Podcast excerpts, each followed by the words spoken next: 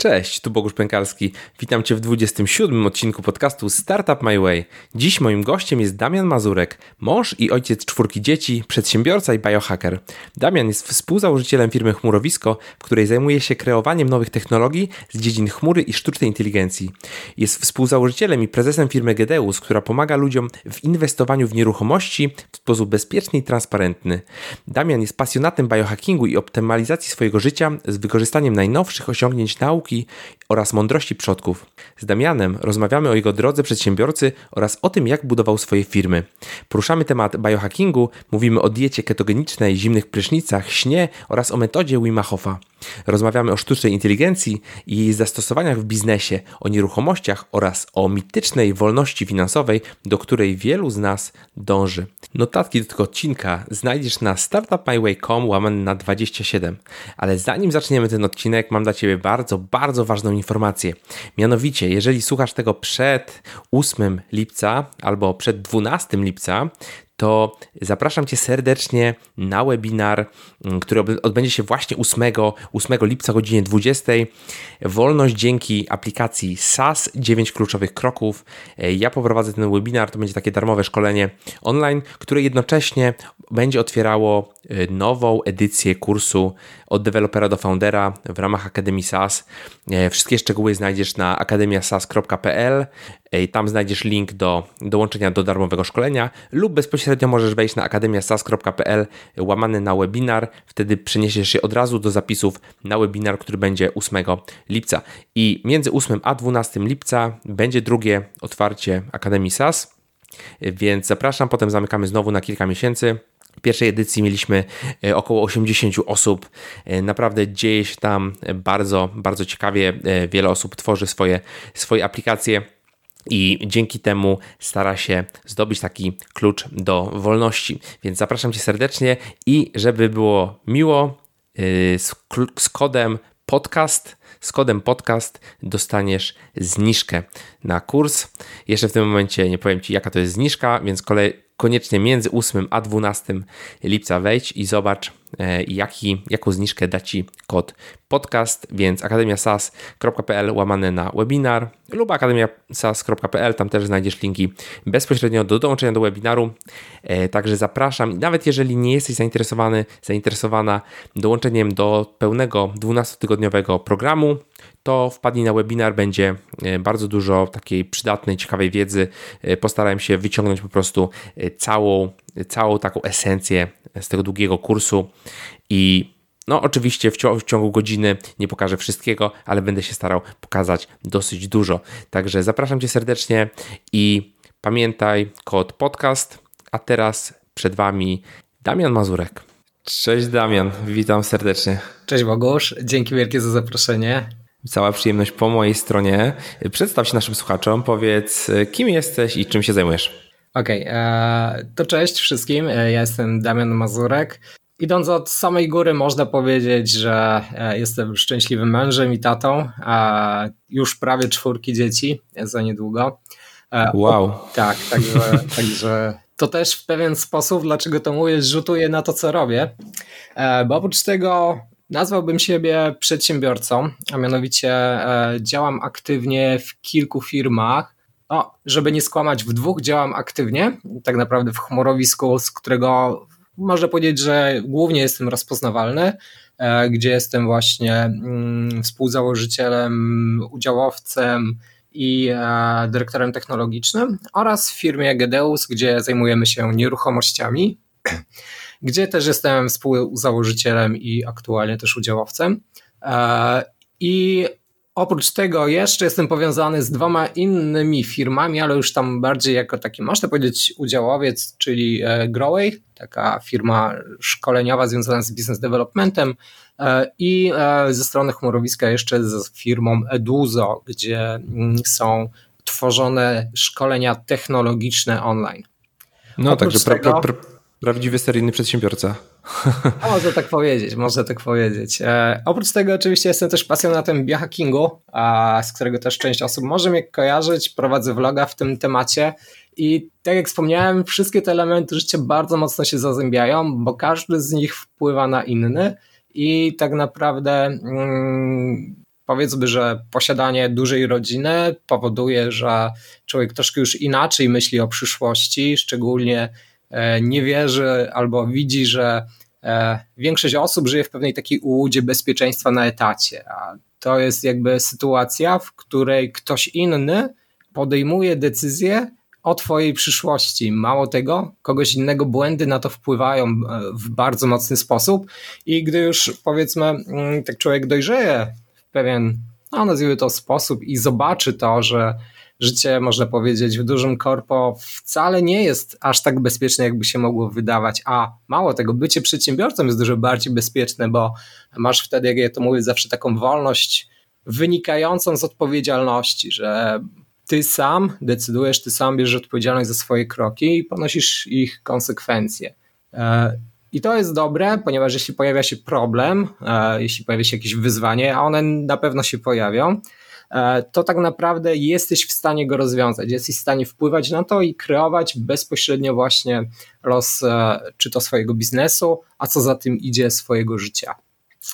I ostatni wątek, biohacking, też mocno wiąże się z tymi poprzednimi, ponieważ żeby pracować i działać, trzeba być, jak to się mówi, w dobrej formie i posiadać wysoki poziom wydajności, umieć radzić sobie ze stresem i tak dalej, i tak dalej, co też bezpośrednio właśnie wiąże się z tą kwestią. Także tak jak mówię, one wszystkie działają, tak można powiedzieć, w takiej synergii. No masz bardzo fajny, bardzo fajny case, bo tak z mojego doświadczenia wynika, że bardzo dużo osób, które piszą właśnie o, nie wiem, czy to biohackingu, czy, czy produktywności, efektywności osobistej, to często nie mają rodziny, nie mają dzieci i y, mówią, jak ten, jak ten sen jest ważny, a, w ogóle nie, nie ma jakby tematu tego, że czasami no, nie da się tego snu dobrze, e, no, nie, ma, nie ma możliwości po prostu przespania odpowiednio, e, odpowiedniej ilości godzin i w odpowiednim pomieszczeniu. Także myślę, że jesteś fajną tak osobą, która pokazuje na swoim przykładzie, że jednak dużo rzeczy się da zrobić dobrze.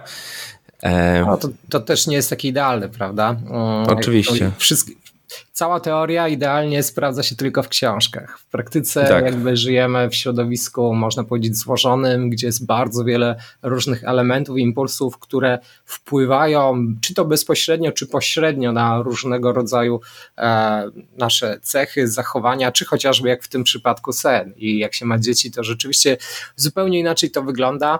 E, no bo dziecko często w nocy się budzi, płacze, potrzebuje asysty rodzica i tak dalej, i tak dalej. No i to można powiedzieć, że w pewien sposób zaburza nasz idealny e, harmonogram dnia. Natomiast na tym polega życie i jakby trzeba o tym wiedzieć i odpowiednio dostosowywać takie elementy i wpływać na to, na co mamy wpływ, a nie martwić się tym, na co wpływu nie mamy. No tak, to jest y, taka rada, która powinna przyświecać generalnie większości z nas. Y, powiedz, co robiłeś w ostatnich dniach, nad czym teraz pracujesz?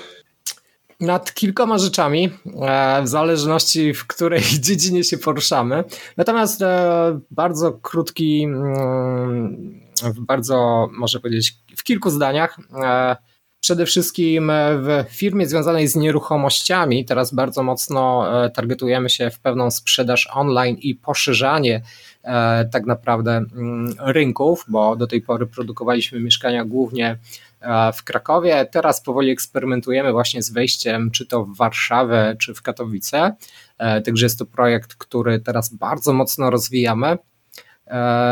W chmurowisku pracujemy nad sztuczną inteligencją, a dokładnie nad wnioskiem badawczym, nad stworzeniem e, tak naprawdę takiego mechanizmu, który automatycznie będzie dobierał e, na dwóch poziomach swoją architekturę konwolucyjnych sieci neuronowych do rozpoznawania tak naprawdę danych domenowych, czyli na przykład do klasyfikacji, czy jakieś mięso jest dobre, czy zepsute, czy e, stal jest takiej czy innej kategorii i tym podobne.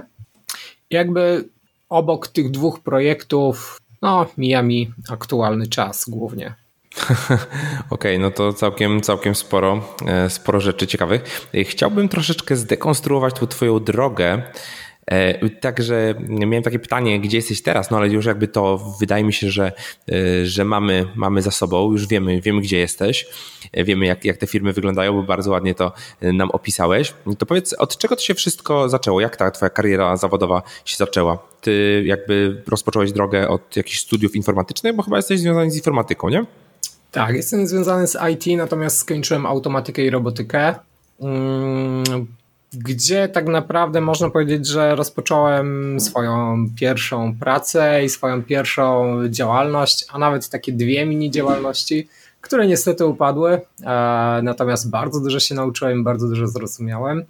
E, I jakby historia mojej drogi jest mocno powiązana z dwoma aspektami, ponieważ część osób myśli sobie, że my to jedno, a nasza kariera czy praca to drugie. Tak naprawdę my ludzie jesteśmy takimi naczyniami powiązanymi. To, to wszystko e, jest razem. I to, jacy jesteśmy, jakie cechy posiadamy, bezpośrednio wpływa na to, e, jak pracujemy, jak wygląda nasza kariera, jak wyglądają nasze relacje, jak wygląda nasze zdrowie i tak dalej, i tak dalej. I każdy z tych elementów po prostu jest częścią z nas. I można powiedzieć, że moja droga właśnie odbywała się e, na tym poziomie. Na początku myślałem, że kariera to coś, e, to coś będącego z boku. Zaczynałem właśnie e, tworzyć pierwsze mini firmy. Jedną pamiętam zajmującą się między innymi sterownikami do inteligentnych budynków.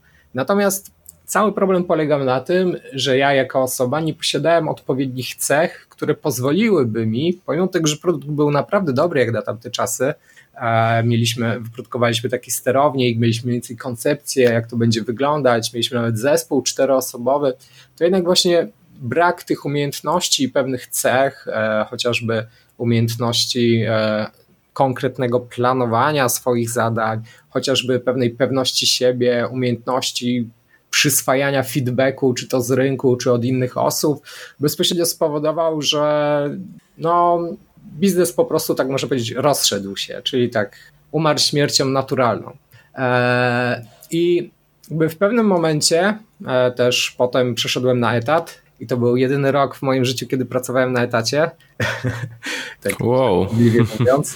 E, I miałem taką przygodę, znaczy przygodę, możliwość pracowania w pewnym dużym, dużej firmie IT, tak to nazwijmy. I trafiłem właśnie do zespołu, o czym często powiadam, gdzie była jedna osoba, która mm, miała nowotwór mózgu i w pewien sposób znała datę swojego końca i e, jakby to zdarzenie współpracy z tą osobą w pewien sposób właśnie bardzo mocno zaważyło na całej dalszej mojej karierze, ponieważ e, gdy spotkałem tą osobę, to była to osoba bardzo otwarta, e, posiadająca taki, można powiedzieć, pokój ducha, i jakby umiejąca dostrzegać pewien, no nazwijmy to piękno życia i jakby rozumiejąca jedną rzecz, że życie jest naszą odpowiedzialnością. I czasem niezależnie od tego, co się stanie, tak jak w jej przypadku, e, dotknęła ją jakaś choroba, to tak naprawdę każda następna chwila i to, co zrobi z tym faktem, że jest w takiej sytuacji, to jest jej odpowiedzialność i tak naprawdę E, to jest pewna decyzja, którą ona podejmuje, tak? E, bo można wtedy żyć i użalać się nad sobą i zmarnować tą część życia, a można tak naprawdę, mm, tak naprawdę wziąć, jak to się mówi, byka za rogi i okej, okay, jestem w sytuacji, w której jestem, stało się to, co się stało, ale jestem w stanie zrobić to, to i to, jestem w stanie żyć tak, tak i tak. I jakby, gdy zrozumiałem tą zależność właśnie tego, że życie nie jest, można powiedzieć, pasywne, a bardziej możemy być w pewnym stopniu architektami naszego życia. Pomimo tego, że czasem, tak jak wspomniałem, zdarzają się rzeczy, które, no, na które wpływu nie mamy, tak? To jakby wtedy zacząłem się bardzo dynamicznie rozwijać. Zmieniłem pracę od razu, e, przeszedłem na B2B, e, także to była kolejna droga, czyli byłem podwykonawcą e, pewnej firmy IT plus jeszcze dorabiałem sobie produkując e, strony internetowe i tym podobne rzeczy, e, tak przez pewien czas. I e, następnie przyszedł czas na kolejny rozwój. I to jest ciekawe, bo mm, tutaj był taki, można powiedzieć, o troszkę zbieg okoliczności, tak bym to nazwał. Czyli było, mm, było szkolenie z chmury Microsoftowej, na których właśnie mm, e, ta firma, o której byłem podwykonawcą, miała zaproszenie, natomiast, e, natomiast nikt tam nie chciał jechać. No to stwierdziłem, że a, jak mają tą wyjściówkę, to ja pojadę. I e, wtedy można powiedzieć, że wydarzyły się dwie rzeczy. Pierwsza to spotkaliśmy się tam z Mirkiem, bo Mirek też był na tym szkoleniu, też go firma, w której aktualnie pracował, wysłała tam. I to tam się zaczęła nasza też wspólna, może powiedzieć, przygoda przedsiębiorczości. A druga rzecz to mm, w trakcie tego szkolenia zadzwonił do mnie mm, mój kolega, z którym kiedyś pracowaliśmy i powiedział, że właśnie mają taki mini startup e, i, i potrzebują kogoś, kto im tam pomoże ogarnąć niektóre kwestie. E, I co ciekawe, na tym szkoleniu właśnie wszystkie te kwestie były poruszane, więc pomyślałem, hmm, to chyba nie może być E, zbieg okoliczności. Więc powiedziałem, że się z nim spotkam. No i tak poszedłem do pierwszego większego startupu. Znaczy większego, byłem tam czwartą albo piątą osobą e, i właśnie, i właśnie e, może powiedzieć, że udziałowcem. Natomiast, natomiast potem ten startup rozrósł się dość mocno. Po dwóch latach pracy tam de facto też przez zbieg okoliczności, można powiedzieć, założyliśmy chmurowisko z Mirkiem, bo tak sobie pomyślałem, hmm, kurczę, zacząłbym działać coś w szkoleniach. I 30 minut potem dzwoni Mirek i mówi: Damian, mam taką ofertę od klienta, żeby przeprowadzić szkolenie. I tak pomyślałem o tobie. Mówię, niesamowite. Właśnie 30 minut temu myślałem o tym, żeby rozpocząć przygodę w szkoleniach. No i hmm. Zgodziliśmy się, przeprowadziliśmy to szkolenie na początku jako jednorazową inicjatywę. No i w przerwie tego szkolenia właśnie wyszliśmy na pole i padł taki pomysł, a może byśmy założyli spółkę? Dobrze nam to idzie. No to stwierdziliśmy, czemu nie? No i reszta to już historia, jak to mówią. Tak, reszta można zobaczyć na vlogu Mirka. Dokładnie tak. Dokładnie Łącznie z tobą. Tak, często, często tam gościłem. No właśnie, a skąd w ogóle u ciebie taka żyłka przedsiębiorczości? No bo mówisz, że pracowałeś tylko rok na etacie i to w ogóle gdzieś tam już później yy, od razu jakby urodziłeś się z tą myślą, że będziesz zakładał firmy? Powiem ci, że tak analizując swoją przeszłość, to tak, zawsze miałem, zawsze miałem taką chęć czy takie marzenie. Pamiętam nawet e, na studiach mieliśmy mieliśmy, mm, nie pamiętam już jaki to był przedmiot, natomiast e, gość prowadzący zapytał się, kto chce założyć e, własną firmę, a kto chce pracować na etacie. I właśnie byłem jednym z niewielu, którzy podnieśli rękę na słowo własna firma. Także no, to było jakieś takie pragnienie. To też trochę wiąże się z pewnymi wzorcami które moi rodzice też mi przekazali, bo mm, pomimo, że było to pokolenie, można powiedzieć, żyjące w czasach mocnej komuny, to jednak e, my pochodzimy ze, ja pochodzę ze Szczawnicy, południa, to tam jednak ta przedsiębiorczość była bardzo mocno żywa. Tam każdy wynajmował pokoje, e, czyli uprawiał dzisiaj tak zwany najem krótkoterminowy, nieruchomości. E, tata też e, na taksówce potem sobie dorabiał, jeździł usługi transportowe i tak jakoś taka mini przedsiębiorczość zawsze się tam pojawiała. Więc myślę, że w dużej mierze to też miało wpływ na mój dalszy proces decyzyjny i to pewne dążenie do, jak to się mówi w cudzysłowie, bycia na swoim. No to fajnie, no to fajnie. No i y, masz taki idealny start, no bo mówisz, że te dwa pierwsze projekty to porażki, no to, to, to właśnie się tak zaczyna od porażek. Tak. Okazuje się, że ten, kto nie ma porażki, to na początku to prawdopodobnie ta jego firma, którą teraz robi, będzie, będzie porażką. Więc... Tak. Znaczy, to jest właśnie. Mm, to jest bardzo ciekawe, bo to jest taki rynek, mm, nigdy nie wiesz, tak? Czy to projekt, który robisz, pomysł, który robisz, firma, którą robisz, odniesie wielki sukces, czy będzie wielką porażką. I właśnie mówią, że 95% firm upada. Natomiast nikt nie mówi o tym, e, to, to nie jest moje zdanie, to zasłyszane, ale też mnie to uderzyło, że w 98% ci ludzie, których ta pierwsza firma upadła, zakładają drugą, trzecią, czwartą i któraś z nich w końcu odnosi sukces. Bo to jest pewna droga, którą po prostu trzeba przejść, tak? Tego trzeba się nauczyć, to trzeba przeżyć, trzeba się w pewien sposób właśnie e, uwolnić od, e, czy to w pewien sposób swoich kompleksów czy ograniczeń, a z drugiej strony od takiego pewnego myślenia, jak to się mówi, etatowca i wiązania wszystkiego z czasem i z pieniądzem. bo mm, to też była ciekawa rzecz. Był taki okres, właśnie pracując w jednym ze startupów, e, gdzie mm, firma nie miała pieniędzy przez jakiś okres czasu, nie będę mówił już ile, i musieliśmy tam właśnie przez ten okres czasu pracować bez wynagrodzeń. I to doświadczenie było też bardzo mocno doświadczeniem kreującym moją przyszłość, ponieważ spowodowało wtedy prostą rzecz. Jakby uwolniłem się od pewnej, można powiedzieć, władzy pieniądza nad sobą.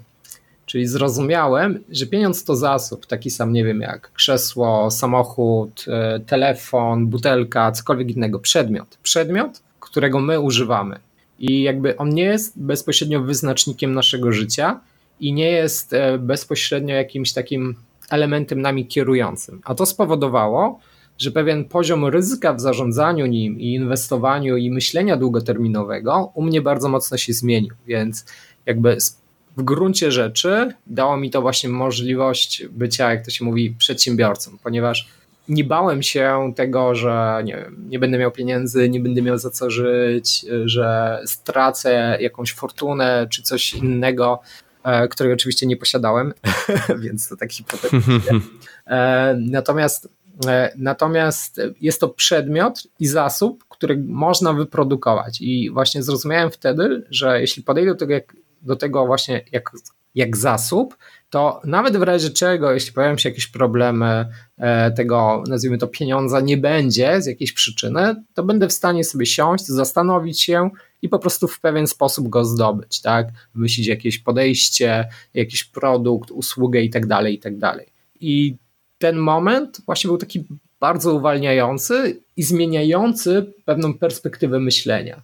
Bo tutaj też tak często spotykam się e, z takim, no, częstym, powiedzmy, mm, pojmowaniem tego, że ludzie zastanawiają się, czemu, e, czemu na przykład my, tacy normalni ludzie, w cudzysłowie, nie trafiamy na okazję, a taka osoba przedsiębiorcy cały czas te okazje znajduje. I w dużej mierze jest to podyktowane dwoma rzeczami. Pierwsza, że okazja zawsze szuka przygotowanej osoby. Druga rzecz to torowania umysłu, czyli właśnie tego zmienienia, tego paradygmatu postrzegania rzeczywistości, który powoduje, że zaczynamy dostrzegać właśnie te, nazwijmy to w cudzysłowie, okazje, tak? I e, możliwości, i drogi, którymi możemy iść, i rzeczy, które możemy zrobić. I to powoduje, że stajemy się po prostu przedsiębiorcami. No właśnie, a jak, jak się przygotować? No bo mówisz, że okazje szukają przygotowanych ludzi. No to jak się przygotować? W tym momencie mamy człowieka, który jest, siedzi na sobie na etacie, słucha nas. Myślę, że jest bardzo dużo takich osób e, i zakładam, że to są osoby z przedsiębiorczym podejściem, że te osoby chcą coś zrobić swojego, no bo tutaj właśnie poruszamy często drogi tych przedsiębiorców, którzy kiedyś byli w innym miejscu, tak, budowali swoje firmy. Jak dojść do tych, do tych okazji? Co byś, co byś radził takim osobom, które myślą o rozpoczęciu jakiejś takiej przedsiębiorczej drogi? Mhm. E, to jest de facto dość duża ilość osób e, zadaje mi to pytanie e, i odpowiadam na to w jeden sposób, tak? Że potraktuj biznes jako jakiś projekt, jakiś element, do którego musisz się przygotować. Zastanów się, jakie cechy potrzebujesz, co jest czymś, co w tym momencie blokuje cię przed tym przejściem, i na początku zbuduj takie, można powiedzieć, mocne fundamenty w sobie, które pozwolą ci potem płynnie wystartować i rozpocząć e, taki biznes. Tak? Zastanów się, jakich cech potrzebujesz. E, fajnie o tym e, jest taka książka High Performance Habits którą też polecam takim ludziom, gdzie fajnie jest właśnie opisany ten proces tego budowania siebie po to, żeby właśnie potem budować na tych fundamentach siebie e, ten biznes, bo to powoduje, że e, powiedzmy, gdy przyjdą problemy, one nie spowodują, że nagle zapadniemy się zie pod ziemię, że ubijemy nasz biznes, tylko potraktujemy to jako rzecz, która oczywiście się zdarzy, ale po prostu siądziemy, rozbijemy to na małe elementy, zastanowimy się, co zmienić, potraktujemy to jako taki naturalny element, a nie coś bezpośrednio nas przytłaczającego. Ale żeby to zrobić, właśnie wszystko sprowadza się do naszego mózgu i do tego, w jaki sposób funkcjonuje. A to możemy wytrenować i to możemy tak naprawdę opanować. A myślisz, że każdy ma taką, takie predyspozycje do zostania właścicielem firmy, przejścia jakby zmienienia tego modelu? No bo tak jest, widzę, że jest taki trend, aczkolwiek my też możemy być troszeczkę zamknięci w takim bańce, że spotykamy się z przedsiębiorcami albo z osobami, które chcą być przedsiębiorcami i tak sobie jakby rozszerzamy to na całą społeczność, że wszyscy chcą być, e, pracować we własnych firmach, budować własne, własne przedsiębiorstwa. Znaczy, Tylko, że wtedy nikt by nie pracował, no ktoś musi jednak robić robotę. Tak, znaczy ja osobiście uważam, że nie każdy może być przedsiębiorcą i nie każdy chce.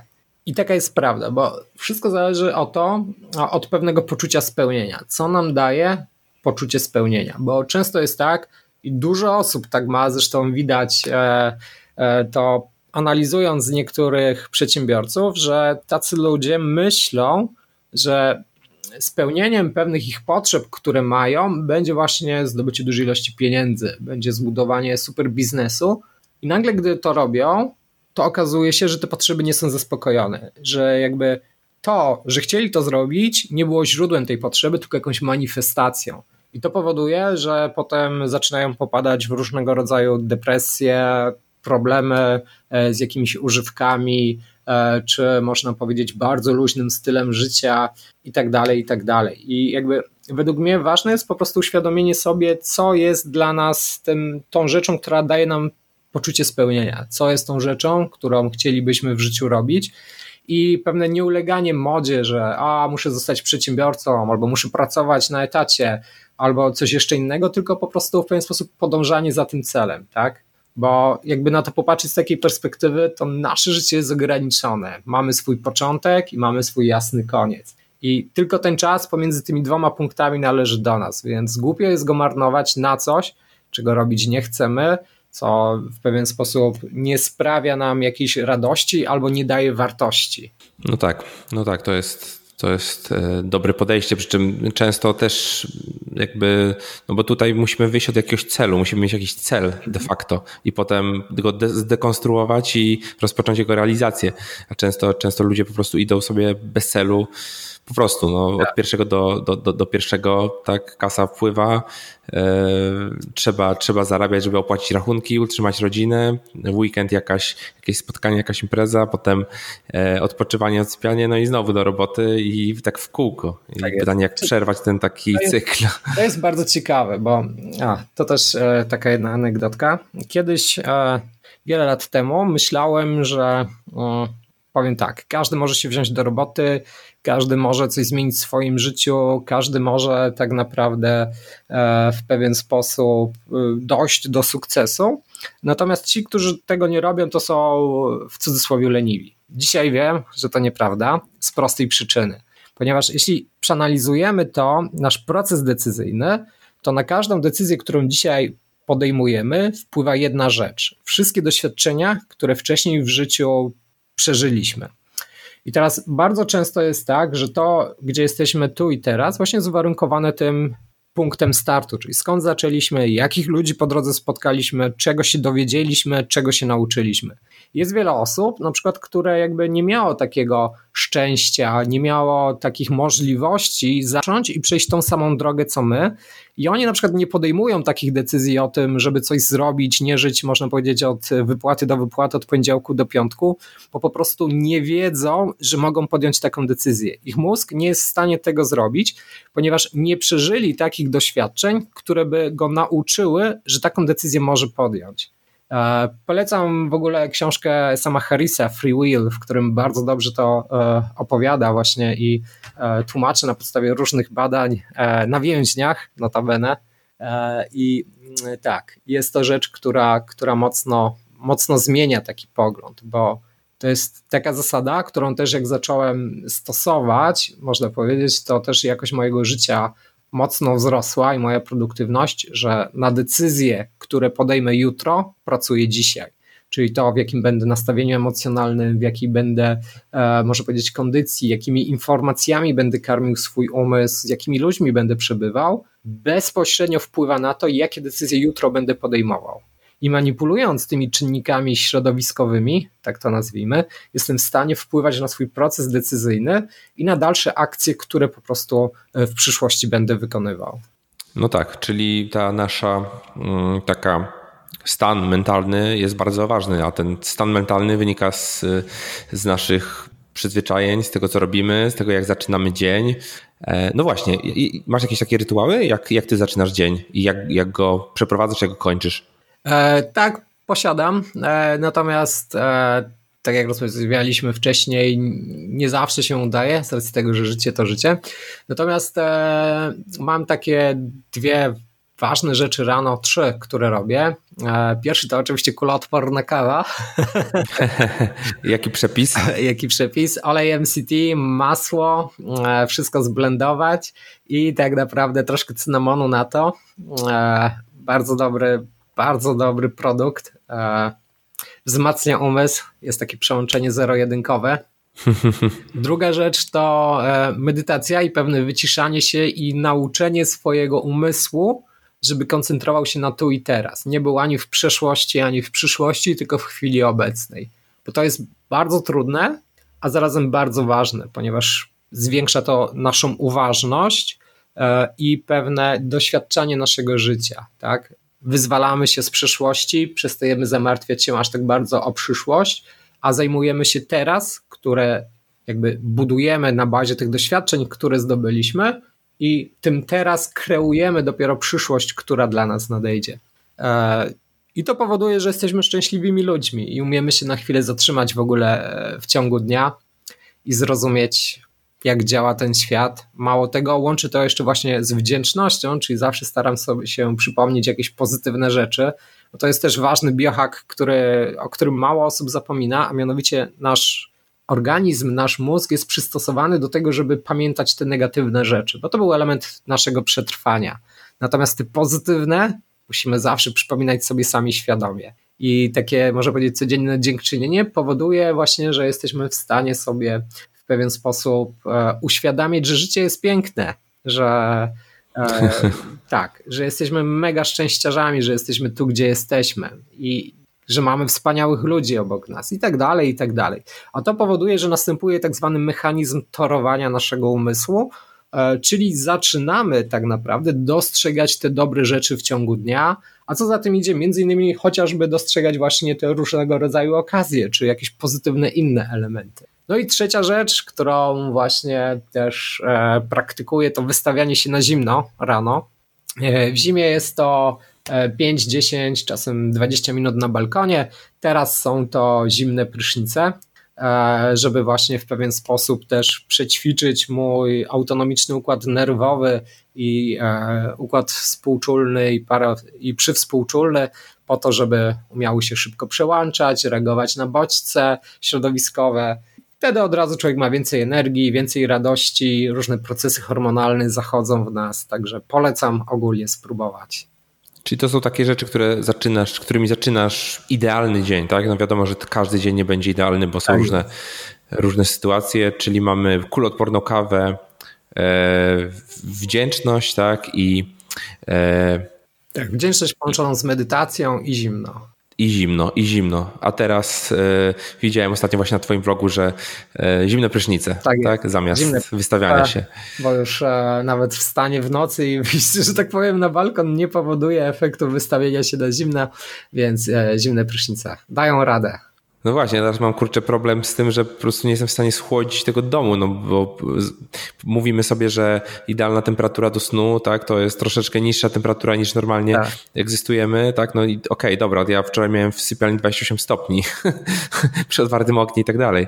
Tak, Jak sobie z tym radzić, to jest dopiero. Mm, natomiast, natomiast nasze ciało się przyzwyczai do tego, tak, mamy tak mocne mechanizmy przetrwania, że, że dostosujemy się. Natomiast to też jest ciekawe, właśnie zauważyłem, że teraz potrzebuję właśnie tak około 40 minut więcej snu niż przedtem, właśnie przez tą temperaturę, bo moje ciało jeszcze w pełni się nie przystosowało, e, więc śpię dłużej. E, co też jest takim no, ciekawym spostrzeżeniem, jak bardzo siły natury bezpośrednio na nas wpływają. Badasz jakoś swój sen? Jakimiś aplikacjami, czy e... Aura Ring?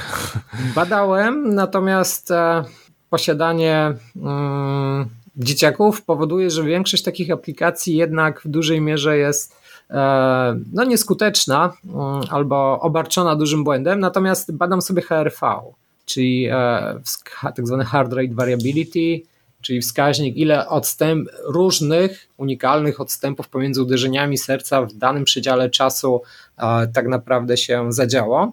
I to bezpośrednio wskazuje, a raczej jest połączone właśnie z naszym autonomicznym układem nerwowym, który bezpośrednio mówi nam o tym, czy jesteśmy w trybie walcz i uciekaj, czy jesteśmy w trybie regeneracji, czy jesteśmy w trybie hiperregeneracji.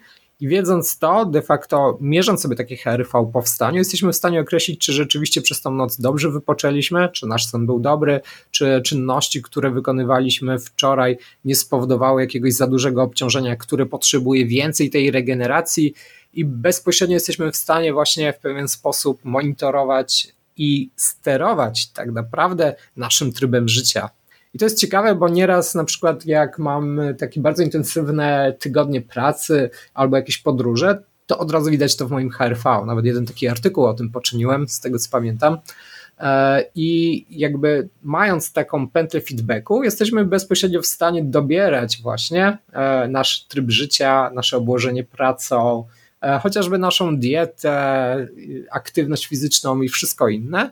I wiemy tak naprawdę, czy szkodzimy sobie, czy nie, czy ten tryb życia wspiera nasze, nasz rozwój już nawet na tym poziomie fizjologicznym. Jak, jak badasz to HRV? E, mam opaskę Polara e, i aplikację Elite HRV i po prostu codziennie rano po wstaniu sobie mierzę metodą EKG tak zwaną. Jasne, jasne. No to tak w sumie przyszliśmy e, tak jakby naturalnie E, do, do tego, tego biohackingu czy biohackingu. Mhm. Skąd w ogóle twoje zainteresowanie tym tematem i gdzie jakby się, się o tym dowiedziałeś? Czy to był jakiś internet, czy książki, czy w ogóle jakieś inne miejsce? Przyznam się, że e, od dłuższego czasu byłem zainteresowany ogólnie takim, można powiedzieć, zdrowym trybem życia i eksperymentowałem z różnymi dietami. Wszystko zaczęło się wiele lat temu, gdy no, zapisałem się na brazylijskie jiu-jitsu i wtedy poznałem e, e, no, Maćka, e, który notabene właśnie był tam trenerem i e, był jednym, można powiedzieć, ojców chrzestnych crossfitu w Polsce. Jest tak naprawdę. I on właśnie zaczął e, dużo opowiadać o diecie paleo, wtedy o różnych takich e, mechanizmach działających w naszym organizmie i to w pewien sposób zaczęło, zaczęło no, taki sposób mniej więcej zaczęła się moja przygoda. Zaczęło mnie to interesować, zacząłem o tym czytać. Zacząłem eksperymentować e, chociażby właśnie z dietą paleo czy z intermittent fasting. E, wtedy dodam, że byłem w bardzo złym stanie fizycznym i mentalnym i ważyłem coś około 110 kg, e, czyli no, byłem naprawdę duży. Odżywiałem się. Wow, ile teraz? 70, 80? 78 mniej więcej, więc różnica, różnica jest duża. E, tak. No. I wtedy może powiedzieć, że zaczęła się ta moja przygoda, moje eksperymenty, badanie tego tematu e, i praktykowanie. Natomiast tak bardziej intensywnie mm, zacząłem no, około półtorej roku temu praktykować e, biohacking e, i tak naprawdę nazwałem to właśnie jako biohacking, czy biohacking, jak to niektórzy mówią. E, I tak, także tak zintensyfikowałem wtedy swoje działania. Po czym stwierdziłem, że jest to na tyle fascynujące i jest to wiedza, którą właśnie no, każdy powinien wiedzieć, e, każdy powinien znać, wiedzieć jak funkcjonuje, jak, jakie są jego reakcje na różnego rodzaju właśnie zdarzenia, które, e, które się odbywają w środowisku, które nas otacza że zacząłem kręcić też vloga w tym temacie i dzielić się niektórymi swoimi spostrzeżeniami. No właśnie, jakie takie, e, nie wiem, ulubione, no powiedzmy, że te ulubione to wymieniłeś, jak, jak mówiłeś o tych trzech rzeczach, z którymi zaczynasz, ale może jakieś takie nieoczywiste, nieoczywiste rzeczy związane właśnie z biohackingiem, które mm, jakby nasi słuchacze mogą wdrożyć, mogą, mogą je jakby przełożyć na praktyczne e, zastosowanie w swoim życiu. Mhm. A, no to Tutaj najważniejsze kwestie to są takie trzy, można powiedzieć. Sen, e, aktywność dieta oraz ostatnia rzecz, którą właśnie praktykuję, czyli oddychanie. I może tym się podzielę ostatnim, e, ponieważ to jest taka ciekawostka, której większość osób w sumie nie wie, ale nasz e, sposób, w jaki oddychamy, czy ogólnie właśnie oddychanie, ma niesamowity wpływ na nasze życie. Począwszy od tego, że jest bezpośrednie połączenie pomiędzy tym, a naszym autonomicznym właśnie układem nerwowym, który wpływa na to, czy jesteśmy w fazie walczy albo uciekaj, czy w fazie regeneracji, na przykład to, że oddychanie przez nos na ogół i eliminowanie oddychania przez usta długoterminowo powoduje, że e, mamy mniejsze szanse zachorowania na różnego rodzaju problemy cywilizacyjne, a E, fu, choroby cywilizacyjne, a także e, na zwiększenie naszej regeneracji, bo na przykład oddychając przez usta bardziej aktywna jest e, nasza klatka i bardziej wspiera to pobudzeniu naszego sympatycznego układu nerwowego, który de facto przygotowuje nas do walki. A dzisiaj świat jest tak powiedzmy na, zestresowany i tak w pewien sposób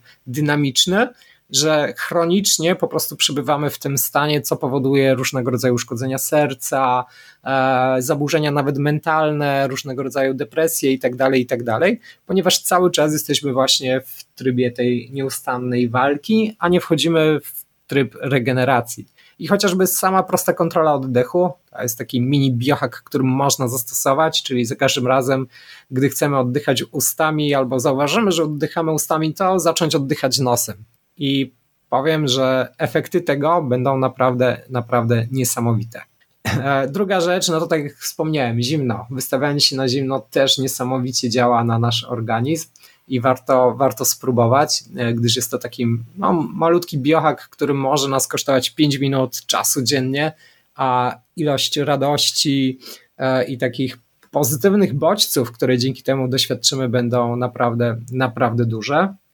Co jeszcze? No oczywiście, tak jak wspomniałem, ten sen i dieta. Mm, ja, jeśli chodzi o dietę, to staram się właśnie, preferuję, może powiedzieć, dietę ketoniczną lub zbliżoną, bo czasem e, nie jestem na czystym keto, bardziej na paleo, tak to nazwijmy. E, czasem zdarza mi się zjeść, nie wiem, loda czy coś słodkiego i daję sobie taką możliwość.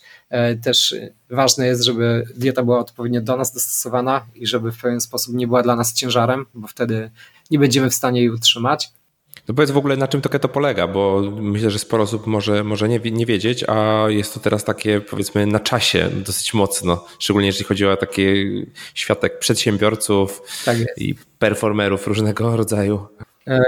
Dokładnie. Sama dieta polega na tym, że 70% energii, 75 e, nawet czasami, a czasem 80, czerpiemy z tłuszczy. Czyli e, ograniczamy tak naprawdę spożycie węglowodanów do 5%, pozostała część to białko, e, po to, żeby nasz organizm zaczął przetwarzać bezpośrednio tłuszcze i produkować z nich energię, a nie jak to robi do tej pory z glukozy. I e, to powoduje jedną ważną rzecz. Jakby nasz organizm w większości, bo nie tyczy się to wszystkich organów, są niektóre, które lepiej pracują po prostu na glukozie, E, ale na przykład chociażby nasz mózg lepiej pracuje, gdy jest zasilany, e, gdy jest zasilany tłuszczem, a dokładnie ciałami ketonowymi i posiada nawet do 30% wyższą energię wtedy, co bezpośrednio przekłada się na jego sprawczość na jego produktywność i na tak naprawdę nawet nasz nastrój, który przeżywamy, bo to wszystko sprowadza się fizycznie do pracy naszego mózgu. Także tak, jest bardzo pozytywny efekt. A jak może wyglądać takie śniadanie, obiad, kolacja? Na keto, bo ja to tak zawsze e, sobie wyobrażam, wszyscy mówią tak ogólnie tutaj tłuszcze i tak dalej, a jak to faktycznie może, może wyglądać? Co muszę kupić w sklepie i co sobie muszę przygotować? Czy tutaj w dużej mierze, albo inaczej, jest wiele różnych, można powiedzieć, e, sposobów podejścia do keto, bo niektórzy mogą robić e, keto wegetariańskie, gdzie te tłuszcze pozyskują z różnego rodzaju warzyw i innych rzeczy.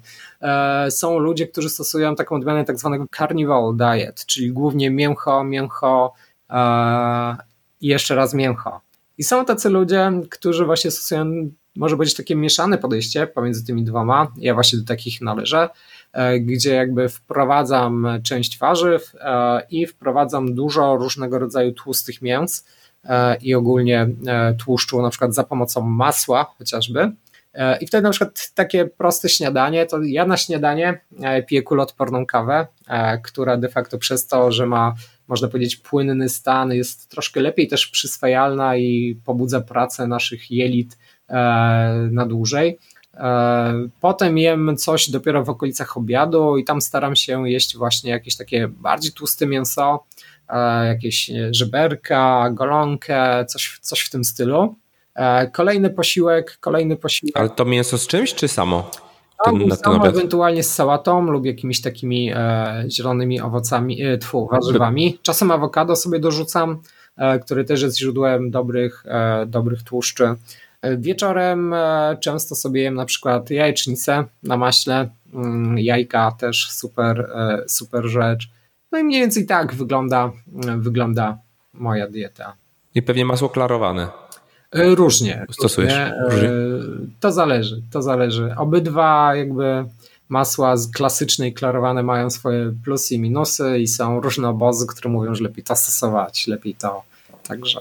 Czyli generalnie rzecz biorąc, taką dietę jak wymieniłeś, to jest totalne zaprzeczenie tego, co, co jakby nas gdzieś tam uczyli i kiedyś się wydawało takim zdrowym trybem życia. Jeżeli nie zjadł śniadania, wypił tylko kawę, jeszcze dodał sobie jakiegoś tam tłuszczu, potem zjadł tłustą golonkę na obiad, bez ziemniaczków. Tak. E, no, dodaję jajecznicę jeszcze na, na kolację, jeszcze, jeszcze okej, okay, nie?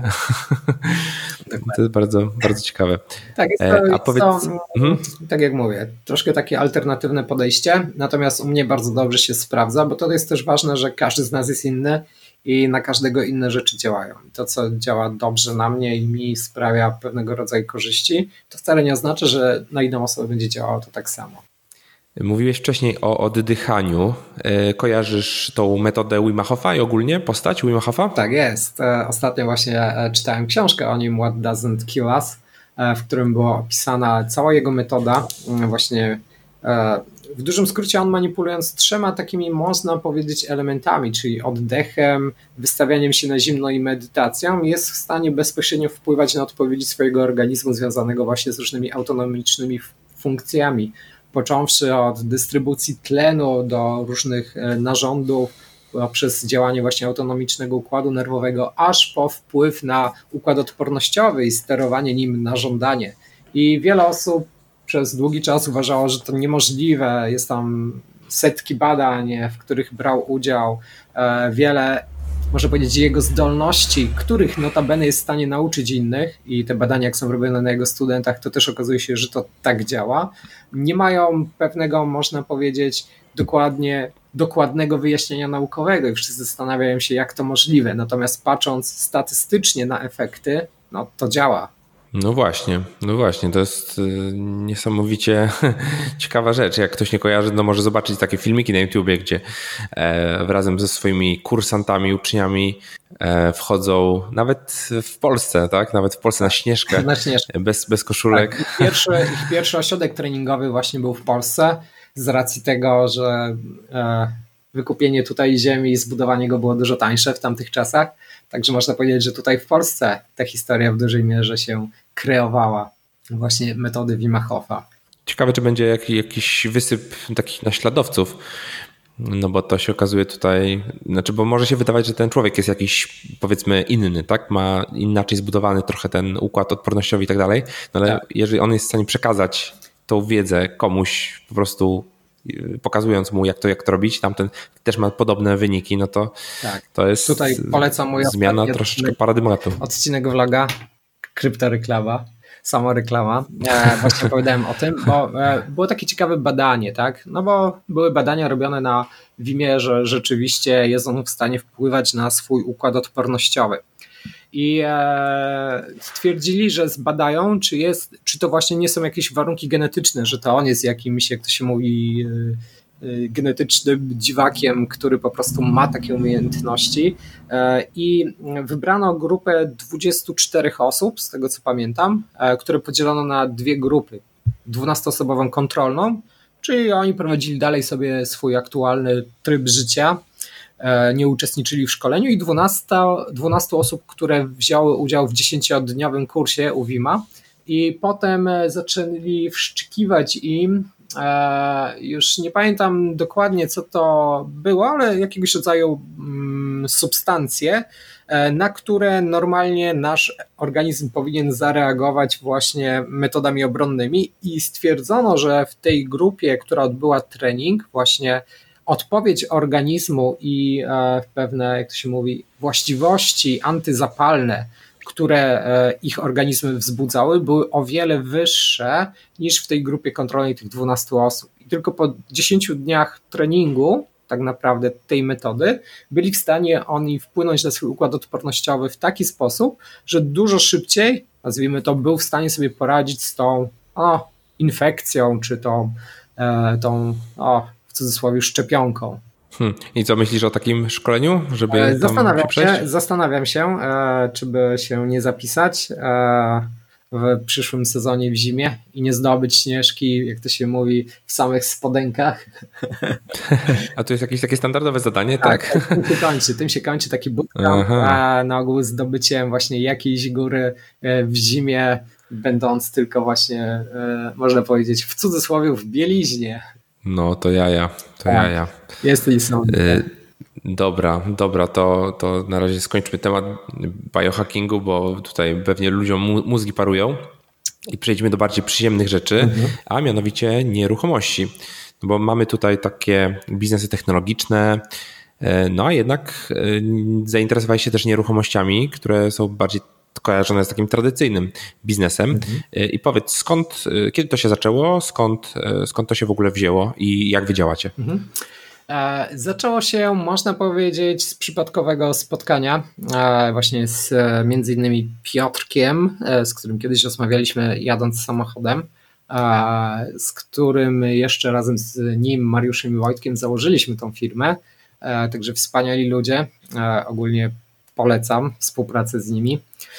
I jakby same nieruchomości od zawsze w pewien sposób mnie interesowały. Słyszałem właśnie o różnych możliwościach inwestowania tam, Poza tym, no nie okłamujmy się, jeśli pracujemy w świecie IT, to mm, zdobycie pewnego poziomu majątku czy pieniędzy w IT nie jest trudne.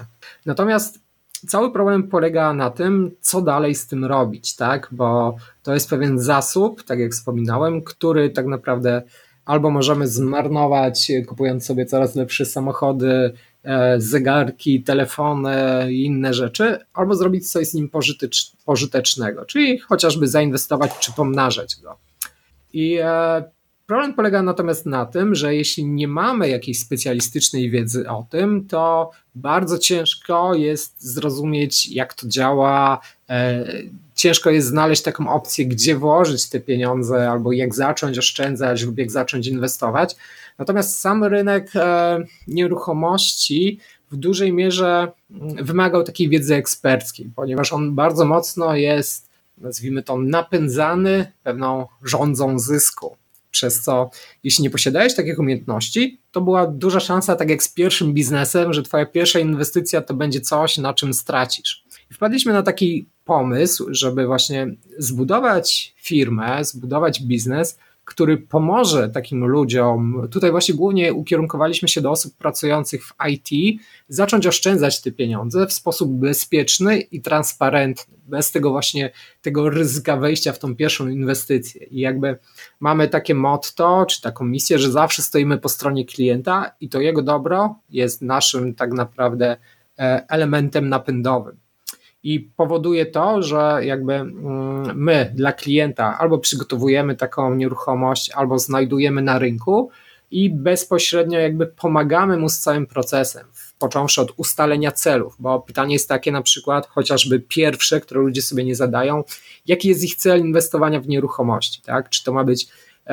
inwestycja długoterminowa, która powiedzmy zabezpiecza im kapitał na 25 lat, którą potem przekażą dzieciom, czy to ma być e, inwestycja, która będzie budowała wysoki cash flow miesięczny, e, czyli będzie powodowała na przykład, że pasywnie będziemy dostawali 3-4 tysiące złotych e, co miesiąc, czy jest to inwestycja, która ma mieć najwyższą stopę zwrotu i chcemy na przykład posłużyć się dźwignią kredytową, wtedy zainwestować pieniądze ze stopą zwrotu sięgającą nawet 20% rocznie, ponieważ jeśli zainwestujemy łącznie gotówki powiedzmy tam 150 tysięcy, to jesteśmy w stanie mieć e, nieruchomość, która generuje nam e, czasem nawet tam, no już po odliczeniu wszystkich kosztów, półtorej do dwóch tysięcy złotych miesięcznie. To oczywiście w super optymistycznych scenariuszach, jeśli znajdziemy taką dobrą nieruchomość.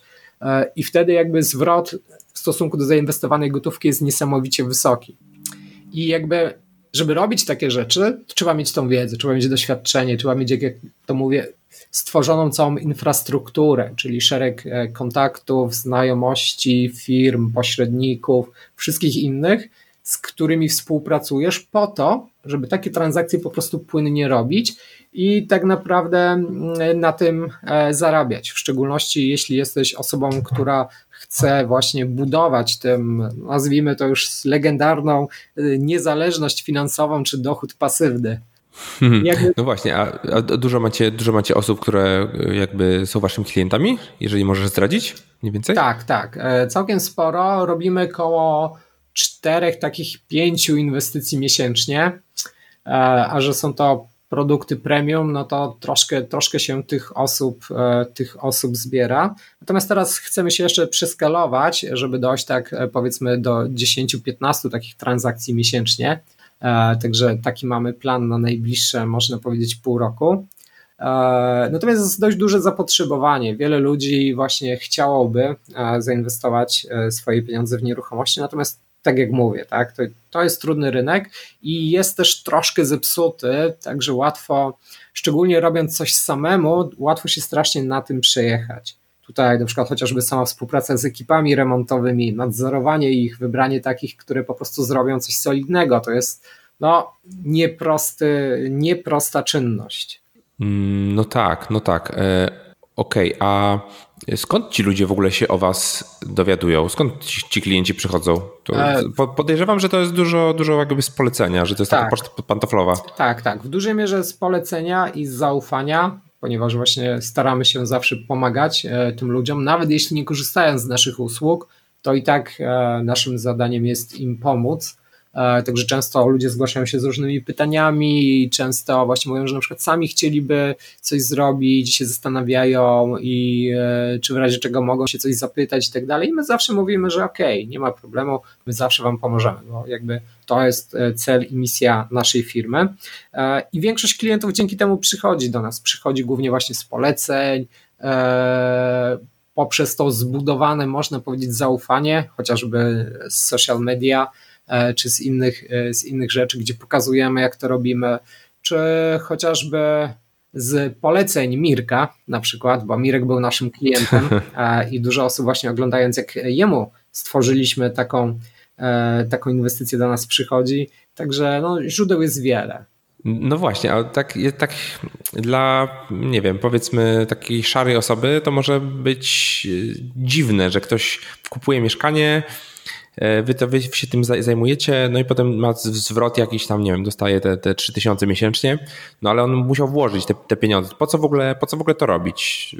Ty mówiłeś o tych celach inwestycyjnych, to, to, jest, to po, po co to robić? To jest bardzo ważna rzecz, że nasze pieniądze czy nasz majątek właśnie musimy traktować jako taki zasób. I to jest też jakby mm, wchodząc sobie w taki poziom tych powiedzmy czterech kwadrantów przepływu pieniędzy, E, bo to jest ważne też, żeby to zrozumieć, że na początku, jak jesteśmy na etacie, bo ja idealnie tą drogę przeszedłem, można powiedzieć, potem byłem właśnie e, jednoosobową działalnością gospodarczą, potem wszedłem w biznes, zacząłem robić te firmy i ostatni element to jest inwestycje, czyli gdy już posiadasz powiedzmy na tyle pieniędzy albo jesteś na tyle dojrzały finansowo, że wiesz, że pieniądz to narzędzie, które może generować pieniądze jakby takie podejście do pieniądza, czyli właśnie jak do, takiej, e, do takiego narzędzia, no można powiedzieć jak młotek dosłownie, który jest w stanie po prostu zarabiać nam pieniądze, powoduje, że tacy ludzie chcą właśnie inwestować, bo e, tutaj chociażby przykład moich znajomych, którzy mówią, no, no i co ci z tego? E, nie masz pieniędzy na koncie, tylko masz gdzieś zainwestowanych, to tak jakbyś ich nie miał. No właśnie nie. Pieniądze, które masz na koncie, które ci tam siedzą i nic nie robią, to są pieniądze stracone, ponieważ one nie będą bezpośrednio generowały ci żadnego dochodu, a z czasem będą traciły na wartości. Natomiast pieniądz pracujący, czyli pieniądz, który generuje pieniądz, to jest pewien sposób właśnie do przesunięcia się właśnie w tą ostatnią, można powiedzieć, ćwiartkę rozwoju, czyli bycia inwestorem i życia z inwestycji, gdzie ten pieniądz jest traktowany jako narzędzie do generacji pieniędzy. I e, można powiedzieć, że myślimy tak o mieszkaniach, tak? ale tak samo można myśleć o firmach, na przykład inwestycji firmy, które kupujemy taniej potem sprzedajemy, czy bierzemy dywidendę. E, inwestycji w różnego rodzaju lokale usługowe, inwestycje w cokolwiek, co jest w stanie w jakimś okresie czasu zwiększyć swoją wartość. I jakby przeprowadzanie takich transakcji powoduje właśnie, że stajemy się inwestorami, czyli osobami, na które pracują ich własne pieniądze. A jakie jest w ogóle Twoje podejście do tego rynku nieruchomości? Masz jakieś swoje, na pewno masz jakieś przewidywania, no bo wiesz, wszyscy się spodziewają tego kryzysu tak. nadchodzącego i że to wszystko po prostu walnie. Tak, ja mam. Może już, może już walnęło, może słuchasz tego, drogi słuchaczu, w 2021 czy 2022 i. Tak. Teraz przewidzimy, przewidzimy coś. Wtedy będziesz wiedział, czy powiedzieliśmy prawdę, czy nie. Tak. Znaczy, na ogół jest jedna zasada, którą zawsze wyznaję słuchając takich predykcji, że jest to, jak to się mówi, po prostu wróżenie. Nikt nie jest w stanie powiedzieć, co się wydarzy za dwa lata czy za trzy. I e, przykład. Gdy kupowałem swoje pierwsze mieszkanie, to były lata 2008, 2008, 2000, gdzieś pomiędzy 2008 a 2010, już nie pamiętam dokładnie, e, natomiast gdzieś w tych latach. I mm, to był okres, gdzie powiedzmy w przeciągu tam kilku lat mieszkania z 2000 za metr doszły do 5000 za metr. I wszyscy mówili, ale jesteś głupi, to taka górka była. Czemu kupujesz wtedy mieszkanie? To przecież krach. Wszyscy mówią, że za rok to padnie, za pół roku to padnie, za dwa lata to padnie, za trzy lata to padnie. I teraz na tym mieszkaniu, tylko przez to, że go miałem, ono jest warte 100 tysięcy więcej niż było wtedy. I dlaczego to mówię, tak? Bo za każdym razem, jak ceny mieszkań rosną w górę, to wszyscy myślą, o, to na pewno padnie. To nie może tak być, że to będzie tak drogo, tak? Ale to są spekulacje. To są spekulacje, które do rzeczywistości mogą się w ogóle mm, jakby nie odnosić. To znaczy, one mogą się sprawdzić, ale nie muszą. I to jest pewne ryzyko, które zawsze podejmujemy w inwestycji. Nie ma rzeczy, które są w 100% sprawdzone. Inwestując w cokolwiek, zawsze ponosimy pewne ryzyko. Natomiast patrząc historycznie, to nieruchomości to jeden z obszarów, w których to ryzyko jest najmniejsze. Tak? E, one ich wartość stabilnie wzrasta, a patrząc na kraje zachodu, bo mm, jeśli byśmy się wzorowali, patrząc gdzie idzie ogólnie nasz kraj e, i jego gospodarka, to jakby doganiamy coraz szybciej tam różnego rodzaju państwa, nazwijmy to mocniej rozwinięte od nas, to te ceny idą w górę. I e, i tu trzeba zwrócić uwagę na jedną rzecz, że zapotrzebowanie na mieszkania bezpośrednio połączone jest z tym, ile osób chce w nich na przykład mieszkać. Teraz analizując chociażby Kraków, to jak pewnie wiesz i większość słuchaczy, IT w Polsce bardzo mocno się rozrasta. Mało tego, jak e, tutaj często pracuję dla różnych klientów właśnie w sferze IT e, i prowadzę im różnego rodzaju konsultacje, to często jest, e, dostrzegam, że duża część osób, na przykład, które u nich pracują, to osoby, które przyjechały ze Słowacji, z Czech, z Hiszpanii, z Włoch, z Ukrainy i tacy ludzie gdzieś muszą mieszkać. I Dlaczego oni przyjeżdżają do Polski? Ponieważ okazuje się, że tu lepiej zarabiają, że tu są lepsze warunki do życia i tak dalej, i tak dalej. A co za tym idzie? jakby napędzają w pewien sposób ten rynek wynajmu. No bo one gdzieś mieszkać muszą, a to powoduje, że nieruchomości po prostu idą w górę. I fajnym przykładem jest na przykład Dublin. Ostatnio byłem tam e, w Microsoftie na zaproszenie ich i e, rozmawiałem, rozmawiałem z jednym z pracowników. To mówi, że tam ceny są ekstremalnie wysokie, bo jest więcej osób niż miejsc do mieszkania. E, z powodu tam odpowiednich przepisów podatkowych i tego, że różnego rodzaju duże korporacje tam ściągnęły. I jakby to bardzo mocno napędza tamten rynek najmu czy nieruchomości. W Polsce jest podobnie, a jakby popatrzeć na przykład na Dolinę Krzemową, gdzie tam e, ceny nieruchomości są po prostu nadmuchane niesamowicie, e, a dlatego, że bardzo mocno rozwija się tam IT, innowacja, co powoduje, że jest duży przepływ gotówki i duże możliwości, więc ci ludzie tam spływają, więc jest więcej osób niż tak naprawdę miejsc, e, to analizując to, co się dzieje w Polsce, to powoli przesuwamy się właśnie w taki model, gdzie ci ludzie zaczynają do nas spływać, e, gdzie rozwój IT i można powiedzieć tych też innych dziedzin biznesu czy gospodarki powoduje, że społeczeństwo na ogół bogaci się e, i z drugiej strony napędza to właśnie też ten rynek wynajmu. Więc w mojej opinii, natomiast jest to moja opinia, e, te ceny pójdą w górę i one idą w górę gdzieś tak z prędkością kilku procent, od 6 do 8 rocznie.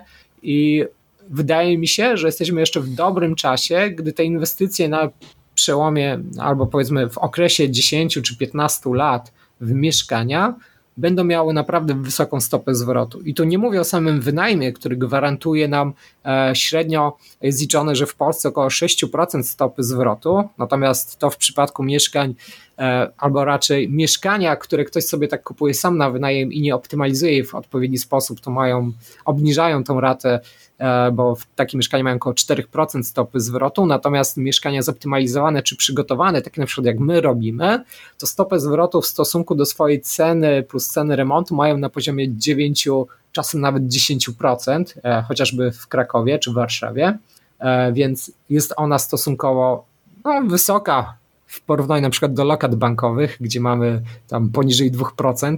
E, natomiast jest jeszcze druga rzecz, na której zarabiamy, czyli wartość tej nieruchomości w czasie. Ona też rośnie, więc powiedzmy e, za 5-10 lat może być tych parędziesiąt tysięcy droższa, co spowoduje, że wtedy w momencie sprzedaży e, jakby nasze pieniądze możemy pomnożyć kilkukrotnie, plus wszystko to właśnie, co między innymi zarobiliśmy na najmie. Albo inaczej, sumując to, co zarobiliśmy na najmie plus e, wzrost wartości nieruchomości, może się okazać, że powiedzmy zarobiliśmy dwukrotnie czy trzykrotnie nawet na takiej inwestycji w przeciągu tych 10 lat. To teraz robimy sobie wpis do kalendarza na za dwa lata, żeby zweryfikować, jak to faktycznie poszło. Dokładnie. E, ty pewnie będziesz miał wtedy 5-10 mieszkań więcej. E, okej, okay, a co jest, co, jest, co jest trudne w takim, takim biznesie związanym z nieruchomościami? Wyszukiwanie tych, tych miejsc do, do kupna, czy, czy coś tak, innego? Cashflow? To jest. E, dużo rzeczy tutaj jest trudnych, jak w każdym biznesie. E, dlatego, dlatego nazywa się to biznesem. Taki żarcik. E, co jest, co jest trudne? Przede wszystkim tak, dotarcie do ciekawych inwestycji, ponieważ jest duże zapotrzebowanie na rynku, więc te. Do perełek, tak, tak zwanych. Perełek, nie? dokładnie. E, do perełek. E, więc one bardzo szybko znikają z rynku, więc tu trzeba mieć już wybudowane, można powiedzieć, takie źródła odpowiednich w branży się to nazywa sorcerów, czyli osób, które jakby dostarczają ci informacji o takich nieruchomościach w zamian za jakąś prowizję E, więc e, tak, trzeba mieć te znajomości bezpośrednio wybudowane, trzeba być, można powiedzieć, szybkim w działaniu. E, drugi element to też pewien poziom edukacji, bo wiele osób na przykład nie rozumie tej branży, szczególnie od strony klientów, i w dużej mierze jakby sam proces sprzedaży to proces edukacji, czyli wyjaśniania i tłumaczenia, jak to działa, jakie są mechanizmy, które się za tym kryją, E, jak e, powiedzmy, ten, jakimi prawami ten cały świat się rządzi, szczególnie jeśli chodzi o inwestycje kredytowe, bo dużo osób też się boi kredytów. E, natomiast tutaj kredyt jest bardziej narzędziem, który powoduje, że za mniejszy wkład własny, czyli za mniejszą ilość fizycznie posiadanej gotówki, jesteśmy w stanie kupić mieszkanie, które jakby swoją wartością zabezpiecza też ten kredyt. I tu są dwie rzeczy, bo wtedy takie mieszkanie, jest wynajmowane powiedzmy naszym osobom, e, naszym potencjalnym klientom, tak ich nazywajmy, najemcom. I powiedzmy, że mamy kredyt, w którego rata wynosi tam 1300 zł, bo wzięliśmy sobie około 300 tysięcy kredytu. E, mieszkanie generuje nam 3000, e, no 2900 załóżmy i wtedy mamy powiedzmy tych 700 zł 700 zł czy 800 zł już e, netto miesięcznie e, można powiedzieć, na koncie, ponieważ mieszkańcy też są obciążani różnymi e, rodzajami opłat, jak czynsz do spółdzielni, czy bezpośrednio media, więc jakby to już nie idzie bezpośrednio z pieniążków właściciela. I teraz te pieniądze w skali roku budują nam jakąś stopę zwrotu w stosunku do zainwestowanej przez nas gotówki. I to powoduje, że jakby dużo szybciej z jednej strony e, odrabiają nam tą gotówkę i z tych powiedzmy tam 100 tysięcy zainwestowanych mamy dużo większy zwrot roczny, natomiast e, czy tam no, w przypadku akurat tej inwestycji to bardziej 60 tysięcy e, w parametrach niż 100, więc, e, więc, e, więc e, tam wychodzi większy ten procent, można powiedzieć, zwrotu. A druga rzecz to, że ten kredyt cały czas też jest spłacany, czyli po pięciu latach jakby wartość nieruchomości, na przykład jakbyśmy ją sprzedali, oczywiście wzrośnie, ale też zmniejszy się poziom kredytu, który na niej będzie, więc jakby w gruncie rzeczy i tak więcej wtedy na tym zarobimy. I tylko wymaga to, tak jak mówię, takiego przestawienia się mentalnego i zrozumienia, że kredyt, tak samo jak pieniądz, to też narzędzie. Narzędzie, które jest w stanie zarabiać i generować nam przychód, bo bardzo ważne jest e, też świadomość jednej rzeczy, że bankowi zależy na tym, żebyśmy spłacali kredyt i wtedy gdy my bierzemy taki kredyt na mieszkanie inwestycyjne, na którym zarabia bank i my, to wszyscy są zadowoleni. No tak, no tak. No, poza tym kredyt wydaje mi się mm, takim, takim narzędziem. E, oczywiście mówimy o kredytach hipotecznych, tak? Dokładnie. Jednak to jest ten, ten tak zwany najtańszy pieniądz na rynku i warto, warto go też wykorzystywać, wykorzystywać ten, ten tak zwany lewar, tak? tak. E, oczywiście mówimy tu o jakichś kredytach konsumpcyjnych, które są w ogóle e, no nie, nie polecamy na pewno. Tak ale te kredyty hipoteczne działają dobrze. A jeszcze y, wracając do tego, co mówiłeś y, o miejscach, e, że jest bardzo duże zapotrzebowanie na wynajem, na przykład w Dolinie Krzemowej, no to tam teraz y, już od jakiegoś czasu proceder jest tego typu, że na przykład ludzie, którzy przyjeżdżają tam albo na studia, albo już pracować, tak, kupują sobie vana i po prostu mają materac w wanie i są całe takie parkingi, gdzie po prostu mieszkają ludzie w vanach potem się e, kąpią e, wiesz, na uczelni czy, czy na siłowni, bo po prostu nie stać ich, no, albo w ogóle nie ma miejsc do, do mieszkania, albo, albo ich nie stać, tak, bo są horrendalne pieniądze. To prawda, to prawda. I Ciekawe, jak kiedy tak będzie w Krakowie. No, myślę, że powoli to wszystko do tego zmierza. E, I tutaj jakby mm, też są dwie ważne rzeczy, jeszcze o których warto pamiętać, że analizując takie miasta, spada powierzchnia, na której realnie tacy ludzie mieszkają, ponieważ cena wynajmu powierzchni w przeliczeniu na metr po prostu rośnie. Więc na przykład e, wiele osób e, myśli sobie, a kto będzie mieszkał, albo jak są jakieś różnego rodzaju zdjęcia, bo są na przykład zdjęcia, o, w Krakowie ktoś wynajmuje nawet, żeby cię nie skłamać, 3 metry kwadratowe, takie mini mieszkanko i są chętni. 3 metry kwadratowe? Tak mają łóżko na takiej antrysoli, poniżej mają toaletę połączoną e, z umywalką i aneks kuchenny. I, znaczy z prysznicem, przepraszam, i aneks kuchenny. Nie? I, I ludzie mieszkają, bo jest to stosunkowo tanio. I jakby na przykład zobaczyć sobie, jak w Bangkoku to wygląda dla porównania, to tam 2 e, metry kwadratowe, za 2 metry kwadratowe płaci się parę tysięcy złotych miesięcznie. Hmm. Masakra. A zamieszkanie rzędu, nie wiem, 20-30 metrów to już e, dziesiątki tysięcy. Hmm. Ja teraz, ja teraz widzę, widzę taki, taki powiedzmy trend, może nie trend. No, ja jestem w takiej sytuacji, że mam e, powiedzmy, mam mieszkanie na, no można powiedzieć, obrzeżach Warszawy, tak, gdzieś tam na Pradze, e, Pradze Południe może nie, nie obrzeża, ale, ale jakby no, no nie centrum i jednocześnie mam biuro tutaj obok, tak? tak. Więc okazuje się, no bo jakby praca w tym momencie przechodzi trochę w taki model zdalny. No, pracuję de facto z biura, ale zdalnie, tak? No bo wszyscy moi współpracownicy są rozsiani gdzieś tam po, po Polsce w różnych, w różnych miejscach. Więc myślę, że te aglomeracje też się mogą rozrastać, że po prostu ludzie będą mieli biuro, będą mieli dom, ale to będzie gdzieś na obrzeżach, obrzeżach miast. Tak, tak. To, to też pewien naturalny sposób rozwoju miast, bo one jakby duże miasta, takie jak Warszawa, Kraków, Wrocław, czy chociażby Trójmiasto, po prostu wysycają e, inne rejony w Polski. Czyli ludzie stamtąd po prostu spływają tutaj, bo tutaj jest w pewien sposób e, no, nazwijmy to rozwój ekonomiczny bardzo dynamiczny, jest dużo pracy, dużo możliwości, czy to właśnie na tworzenie własnego biznesu i tak dalej, i tak dalej, więc samo to też napędza ten rynek. Dodam jeszcze w ramach wyjaśnienia, że my takich małych pokoi nie robimy. Mało tego, celujemy nawet w troszkę większe, w wyższym standardzie, które mają e, właśnie łazienkę i aneks kuchenny i mają paręnaście metrów kwadratowych, e, natomiast są troszkę drożej wynajmowane, ponieważ mamy bardzo mocno stargetowaną bezpośrednio grupę odbiorców. I celujemy właśnie bezpośrednio w pracowników korporacyjnych pomiędzy lub studentów ostatniego, ostatnich lat już pracujących, którzy są tam pomiędzy powiedzmy 23, 24 a 32 rokiem życia, którzy jeszcze nie posiadają rodziny, natomiast e, chcą już mieszkać w troszkę wyższym standardzie, ale jeszcze nie za jakieś super duże pieniądze. A ty ile masz nieruchomości, jeżeli możesz gdzieś tam się tym podzielić? Hmm to zależy. W Krakowie mam jedną, a tak ogólnie to mam jeszcze dwie, więc niedużo.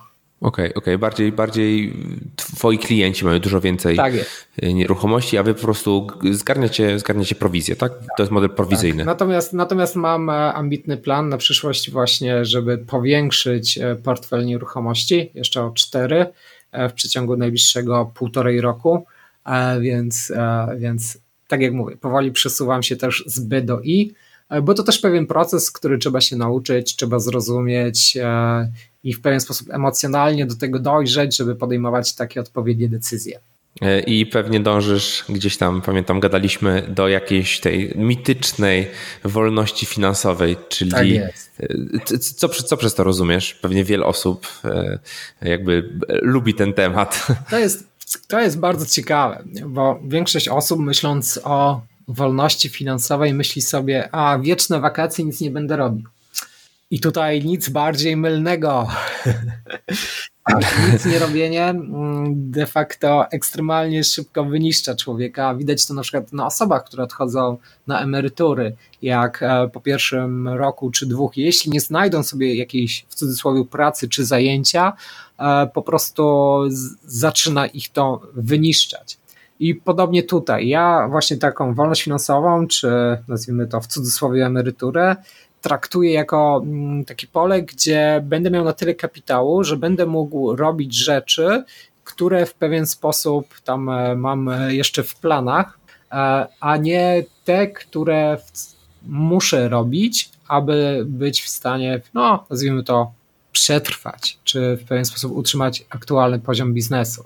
E, I dla mnie wolność finansowa to właśnie taki stan, w którym dochód z różnych, e, nazwijmy to, inicjatyw, bo tutaj mam na myśli firmę, między innymi, których jestem współwłaścicielem, tutaj mam na myśli nieruchomości, e, tutaj mam na myśli e, różnego rodzaju jeszcze inne pewne inicjatywy, które za niedługo mogą się pojawić, żeby generowały na tyle pieniędzy, żebym ja mógł się zająć innymi rzeczami, bo mam na przykład w planach jeszcze kilka rzeczy, można powiedzieć, które chciałbym, no, nazwijmy to, odkryć, czy w pewien sposób wspomóc ludzkość dzięki temu.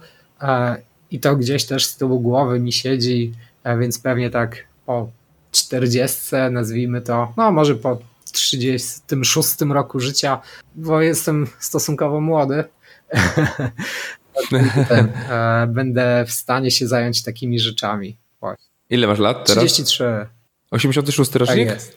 No, to pozdrawiam. Ja również. Pięknie. I mój poprzedni gość, Bartek Popiel, z poprzedniego odcinka też, też 33 lat, ten, ten sam rocznik. Dobry rocznik. dobry rocznik, no, najlepszy. Śmiałem się właśnie w poprzednim odcinku o rocznik Czarnobyla i gimnazjum. Tak jest. A jednak, coś w tym było, patrząc na, coś, patrząc na efekt. Coś w tym było. Coś w tym było, coś w tym było, dokładnie. No zawsze statystyka. Dokładnie, dokładnie tak. Fajnie, fajnie. E, dobra, to jeszcze jeden temat chciałbym poruszyć, e, a mianowicie temat sztucznej inteligencji. Wspomniałeś, że działacie trochę w chmurowisku i pewnie gdzieś tam, nie wiem, czy w jakimś innym projekcie też używacie tych rozwiązań machine learningu, deep learningu. Tak. E, kiedy to ci się stało blis bliskie?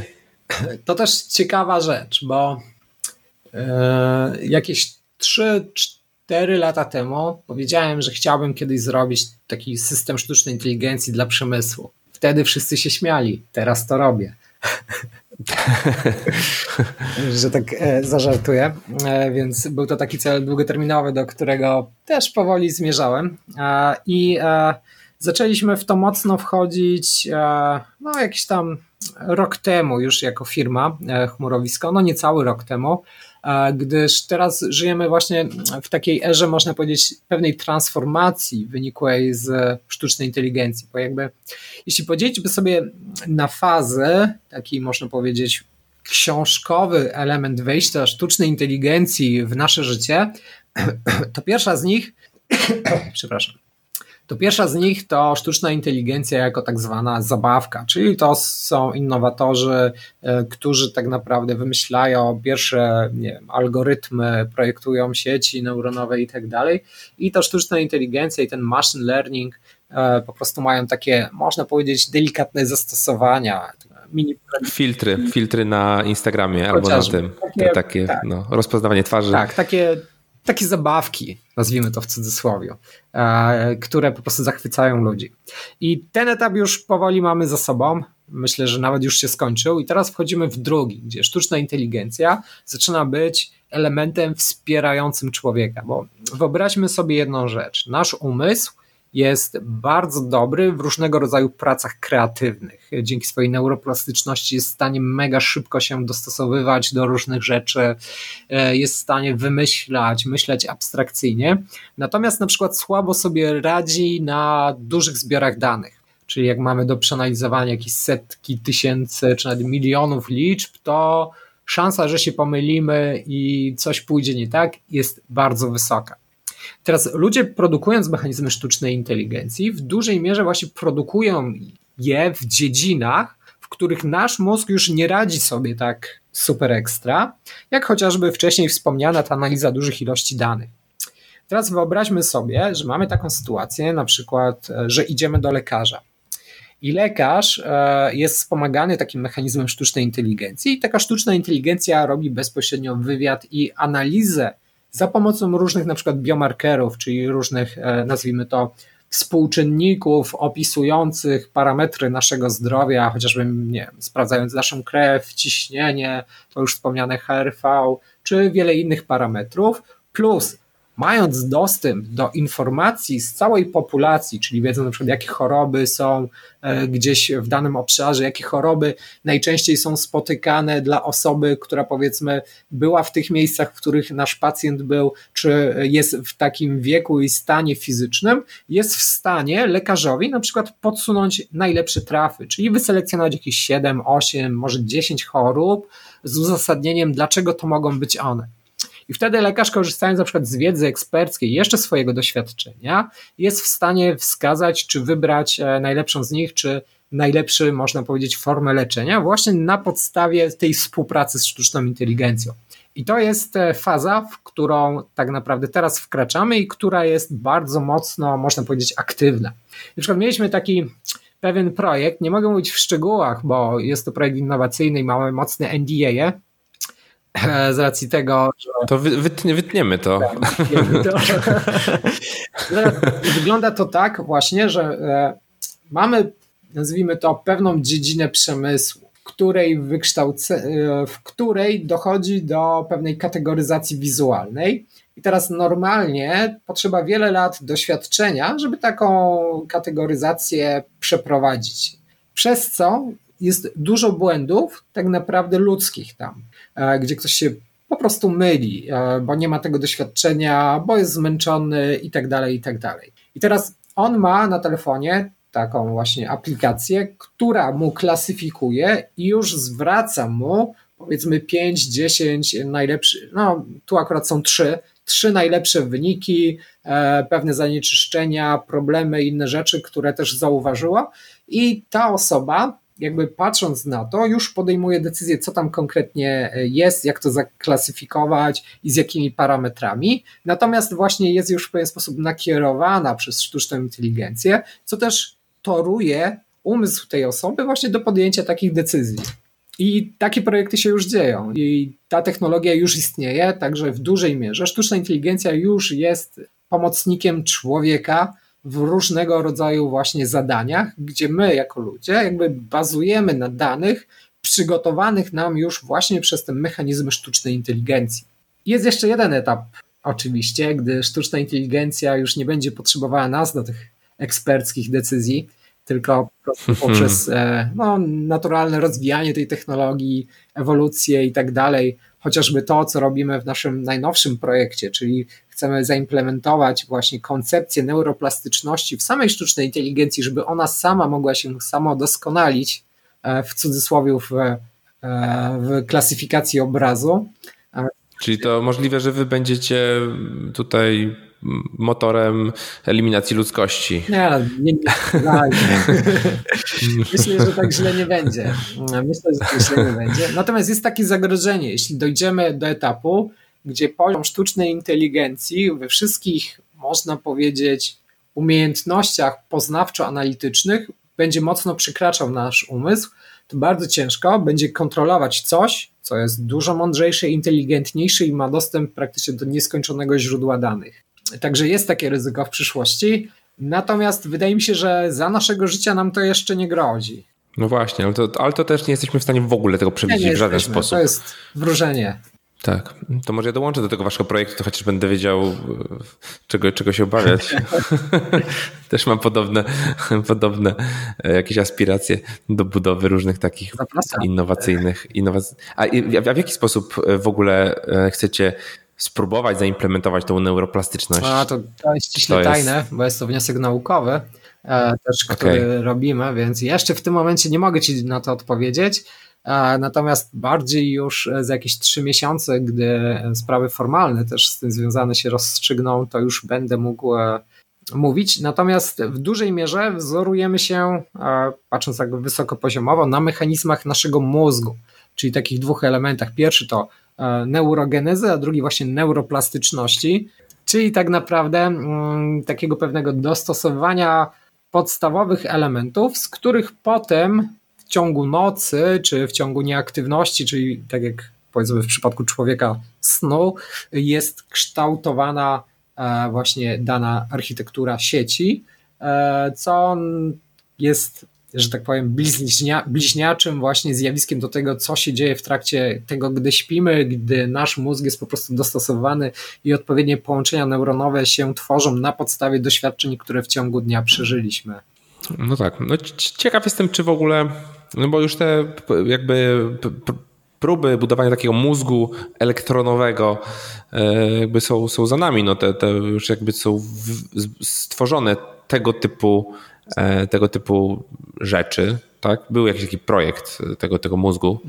E, pytanie, czy to, czy to zadziała faktycznie dobrze, no ale jakby nie, nie sprawdzimy, to się nie dowiemy. Dokładnie tak. Mm, okej, okay, a jak, z, z jakich źródeł się uczysz i rozwijasz w takich tematach związanych ze sztuczną inteligencją. Czy ty się w ogóle uczysz coś w tym, w tym e, zakresie, czy jakby delegujesz to, zatrudniasz jakichś najlepszych ludzi? E, skąd ta wiedza się bierze w organizacji? Znaczy, chciałbym się móc nie uczyć. nie, żartuję. Nie, lubię się uczyć i łatwo mi to przychodzi. Dodatkowo jak się biohakuję, to mój mózg super szybko działa. Nawet tak się ostatnio zastanawiałem, że uczę się dużo sprawniej i dużo szybciej niż 20 czy tam 15 lat temu, e, więc jest to, jest to duży plus trybu życia aktualnego. E, natomiast tak, no, uczę, się, uczę się takich rzeczy e, praktycznie no, w każdej dziedzinie, nie tylko w sztucznej inteligencji. Dużo kursów online różnych oglądam, czytam. to jest też bardzo ciekawe, bo czytam publikacje naukowe, artykuły naukowe, czytam różnego rodzaju badania i tak dalej, e, co też w mocnym stopniu wpływa na pewne postrzeganie e, i bycie w tym, tak nazwijmy to, czole technologicznym, które gdzieś tam idzie do przodu.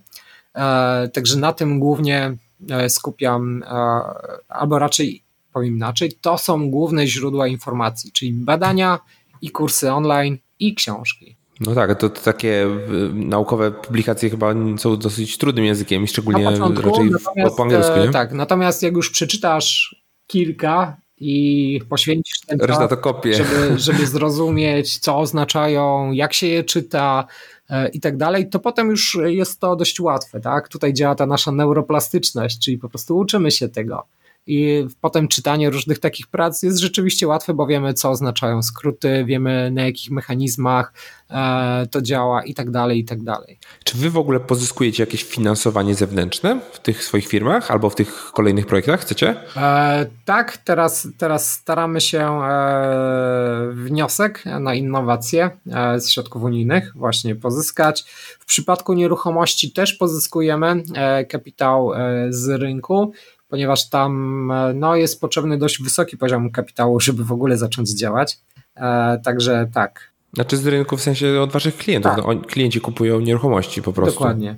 No to jest taki model biznesowy, to nie, nie do końca wybierzecie jakąś inwestycję, tak? Co znaczy nie w takim klasycznym e, przykładzie brania inwestora, który dostaje pewien procent udziałów i tak dalej, bardziej właśnie w formie zewnętrznych inwestycji, takich czy to przez jakieś fundusze, czy to właśnie na poszczególne elementy, bo czasem na przykład w nieruchomościach jest też tak, że mamy ciekawą nieruchomość, którą potem jesteśmy w stanie zoptymalizować albo podzielić, a znajdywanie klienta powiedzmy, taką nieruchomość musisz kupić w dwa dni, nie?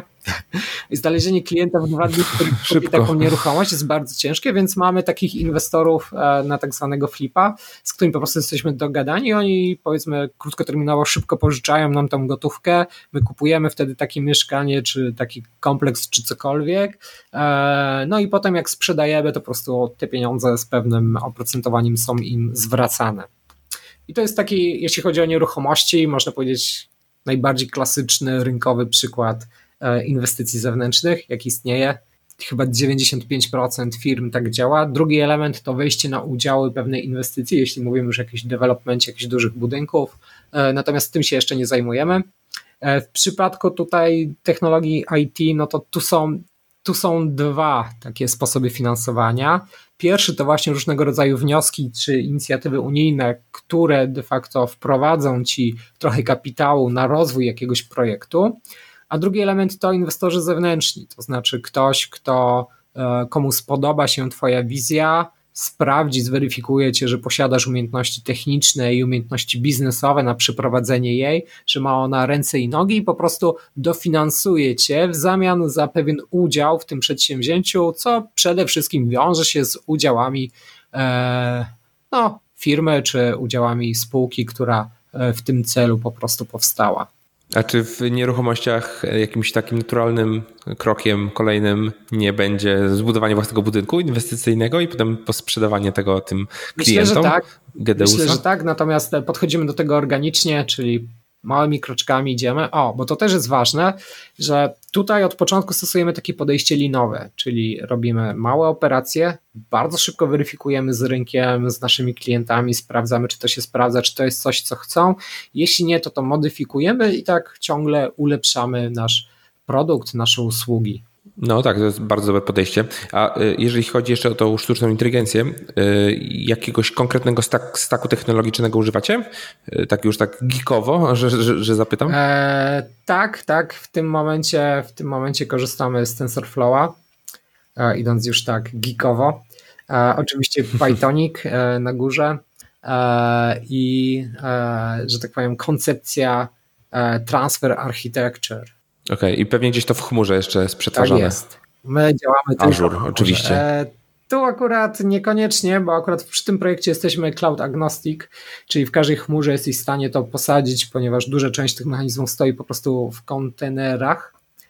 E, okay. Także, no ale to też się wiąże z wymaganiami klientów, ponieważ e, różni klienci mają właśnie różne chmury i e, no, jeśli ktoś już jest tam zmigrowany, ma kompetencje, to ciężko komuś narzucić, powiedzieć kliencie, pójdź do tej chmury, bo wtedy będzie no super. Tak. Nie, to bardziej chodzi o to, żeby się dostosować i wybrać. Szczególnie, że dużych różnic, oczywiście są ludzie, którzy się, się z tym nie zgadzają, ale jakichś dużych różnic pomiędzy chmurami nie ma. I i wszystko sprowadza się do tego, w której chmurze po prostu czujesz się najlepiej i masz najwyższe kompetencje. Hmm. To śmieszne, bo trochę się tak stało, że kiedyś się śmialiśmy, że y, jest pięć komputerów, które jakby zarządzają światem, potem było totalne rozproszenie, a potem teraz wróciliśmy do tych wszystkich, y, do, tych, do tego jakby starego modelu i jest. mamy kilka globalnych chmur i ostatnia awaria y, bodajże tego Google clouda spowodowała duże problemy bardzo wielu serwisów. Nie wiem, czy kojarzysz, to było chyba z tydzień temu. Najgorszy no. problem był z tym, że mm, systemy automatyki domowej też przestały działać. Niektóre i o kurde. w stanie dostać się do domu, czy włączyć ogrzewania albo chłodzenia. E, I, tak, i to już był problem. Oh, I tu zawsze, to już gorszy problem niż niedziałający YouTube. Tu zawsze przychodzi mi na myśl e, takie jedno zdanie, które powiedział kiedyś e, CTO bodajże Amazonu, AWS-a, dokładnie rzecz biorąc, że everything fails. Czyli wszystko się zepsuje i duża część osób wchodząc w chmurę zakłada, że chmury są w 100% bezpieczne, czyli że tam się nic nie wydarzy, że, że to jest jakaś idylla. Natomiast tak nie jest. Tam też coś pada i ba, tam nawet coś często pada.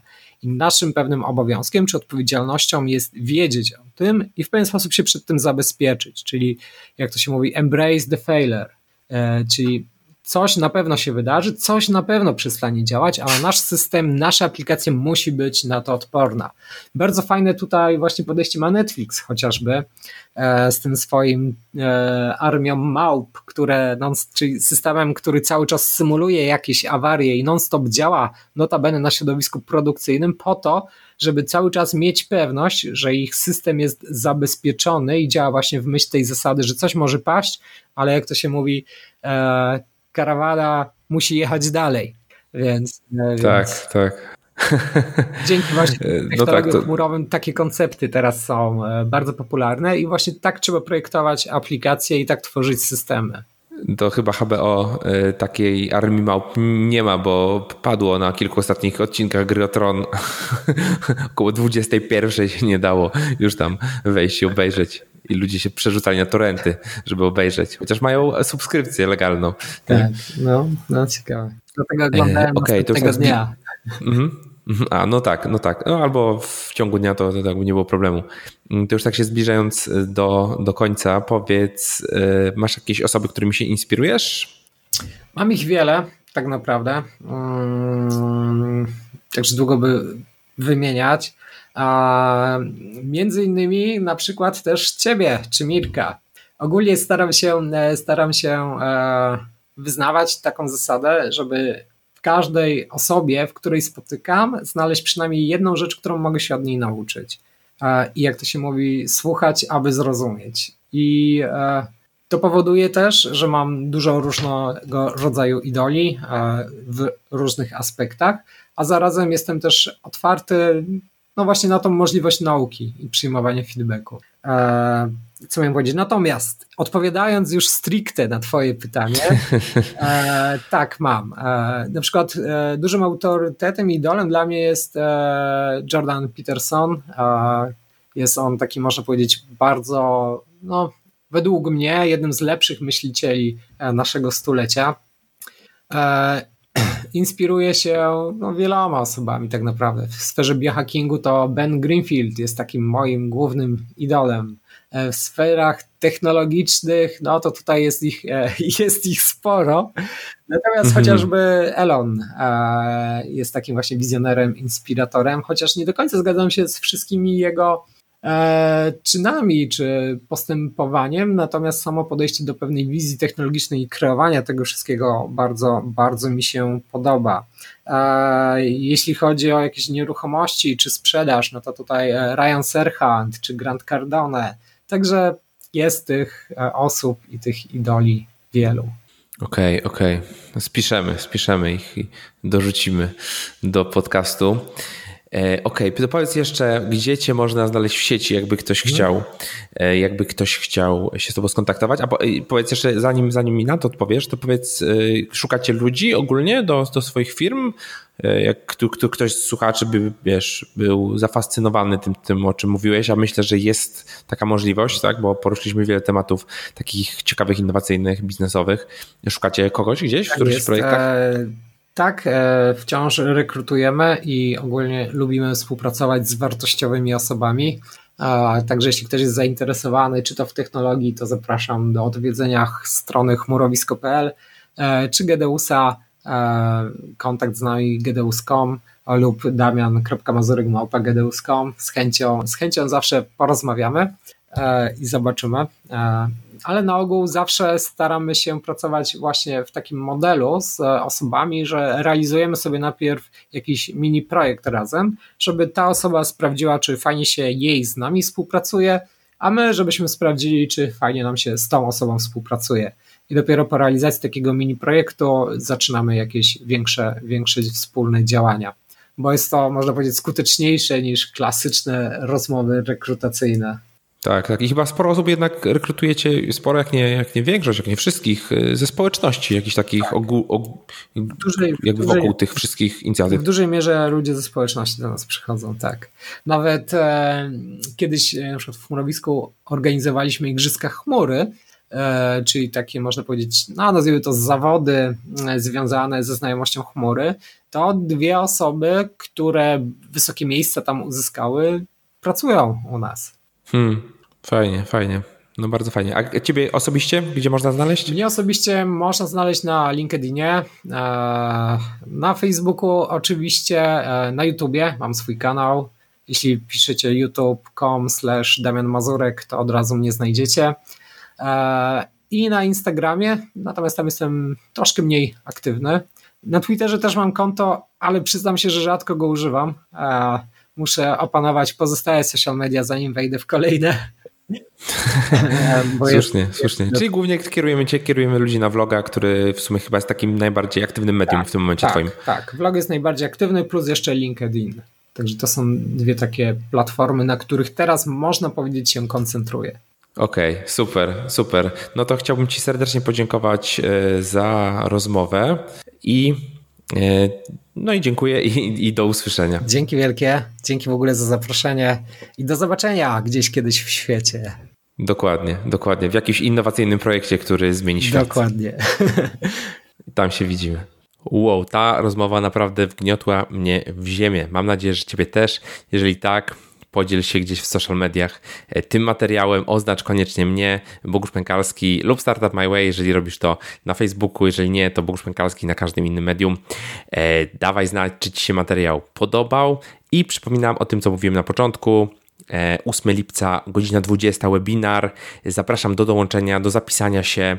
Wolność dzięki aplikacji SAS, 9 kluczowych kroków. E, godzina 20, 8 lipca, e, akademiasas.pl, tam się można zapisać, lub akademiasas.pl łamane na webinar, tam jest bezpośredni link już do, do webinaru. Więc koniecznie dołącz i między 8 a 12 lipca robimy drugie otwarcie Akademii SaaS, kursu od dewelopera do foundera pierwszej edycji 80 osób, e, mamy prawie 14 godzin materiałów wideo. E, oczywiście dostęp do programu masz na tak długo, jak program będzie istniał, więc jeżeli nawet teraz nie masz czasu, e, to dołącz, bo nie wiadomo, czy będzie kolejne otwarcie, a i tak materiał możesz obejrzeć za pół roku, czy za rok nawet, tak? Do tego materiału będziesz miał cały czas dostęp, więc zapraszam Cię albo na webinar, albo do okienka sprzedażowego między 8 a 12 lipca, no i z kodem podcast dostaniesz jakiś rabacik e, na pewno, dlatego że jesteś słuchaczem, e, więc koniecznie e, zanotuj sobie to, zapisz sobie to w kalendarzu lub jeżeli jesteś na mojej liście mailingowej, to na pewno, na pewno Cię ta informacja nie ominie. Warto tam być. Między innymi mamy na przykład poza samym kursem, mamy coś takiego jak dobieranie do mastermindów. Nie wiem, czy słyszałeś o mastermindach. Jeżeli tak, to jeżeli masz grupę, to możesz zmienić grupę. Jeżeli nie masz jeszcze grupy albo nie wiesz w ogóle co to jest, możesz dołączyć do takiej grupy Mastermind w ramach mojego kursu. E, już powstały 4 czy 5 takich grup e, w kursie. Jest to bardzo ciekawa rzecz i takich różnych bonusów, które dostajesz poza samym programem, jest jeszcze więcej, więc koniecznie sprawdź ten temat. Dzięki Ci za wysłuchanie odcinka. Do usłyszenia. Cześć.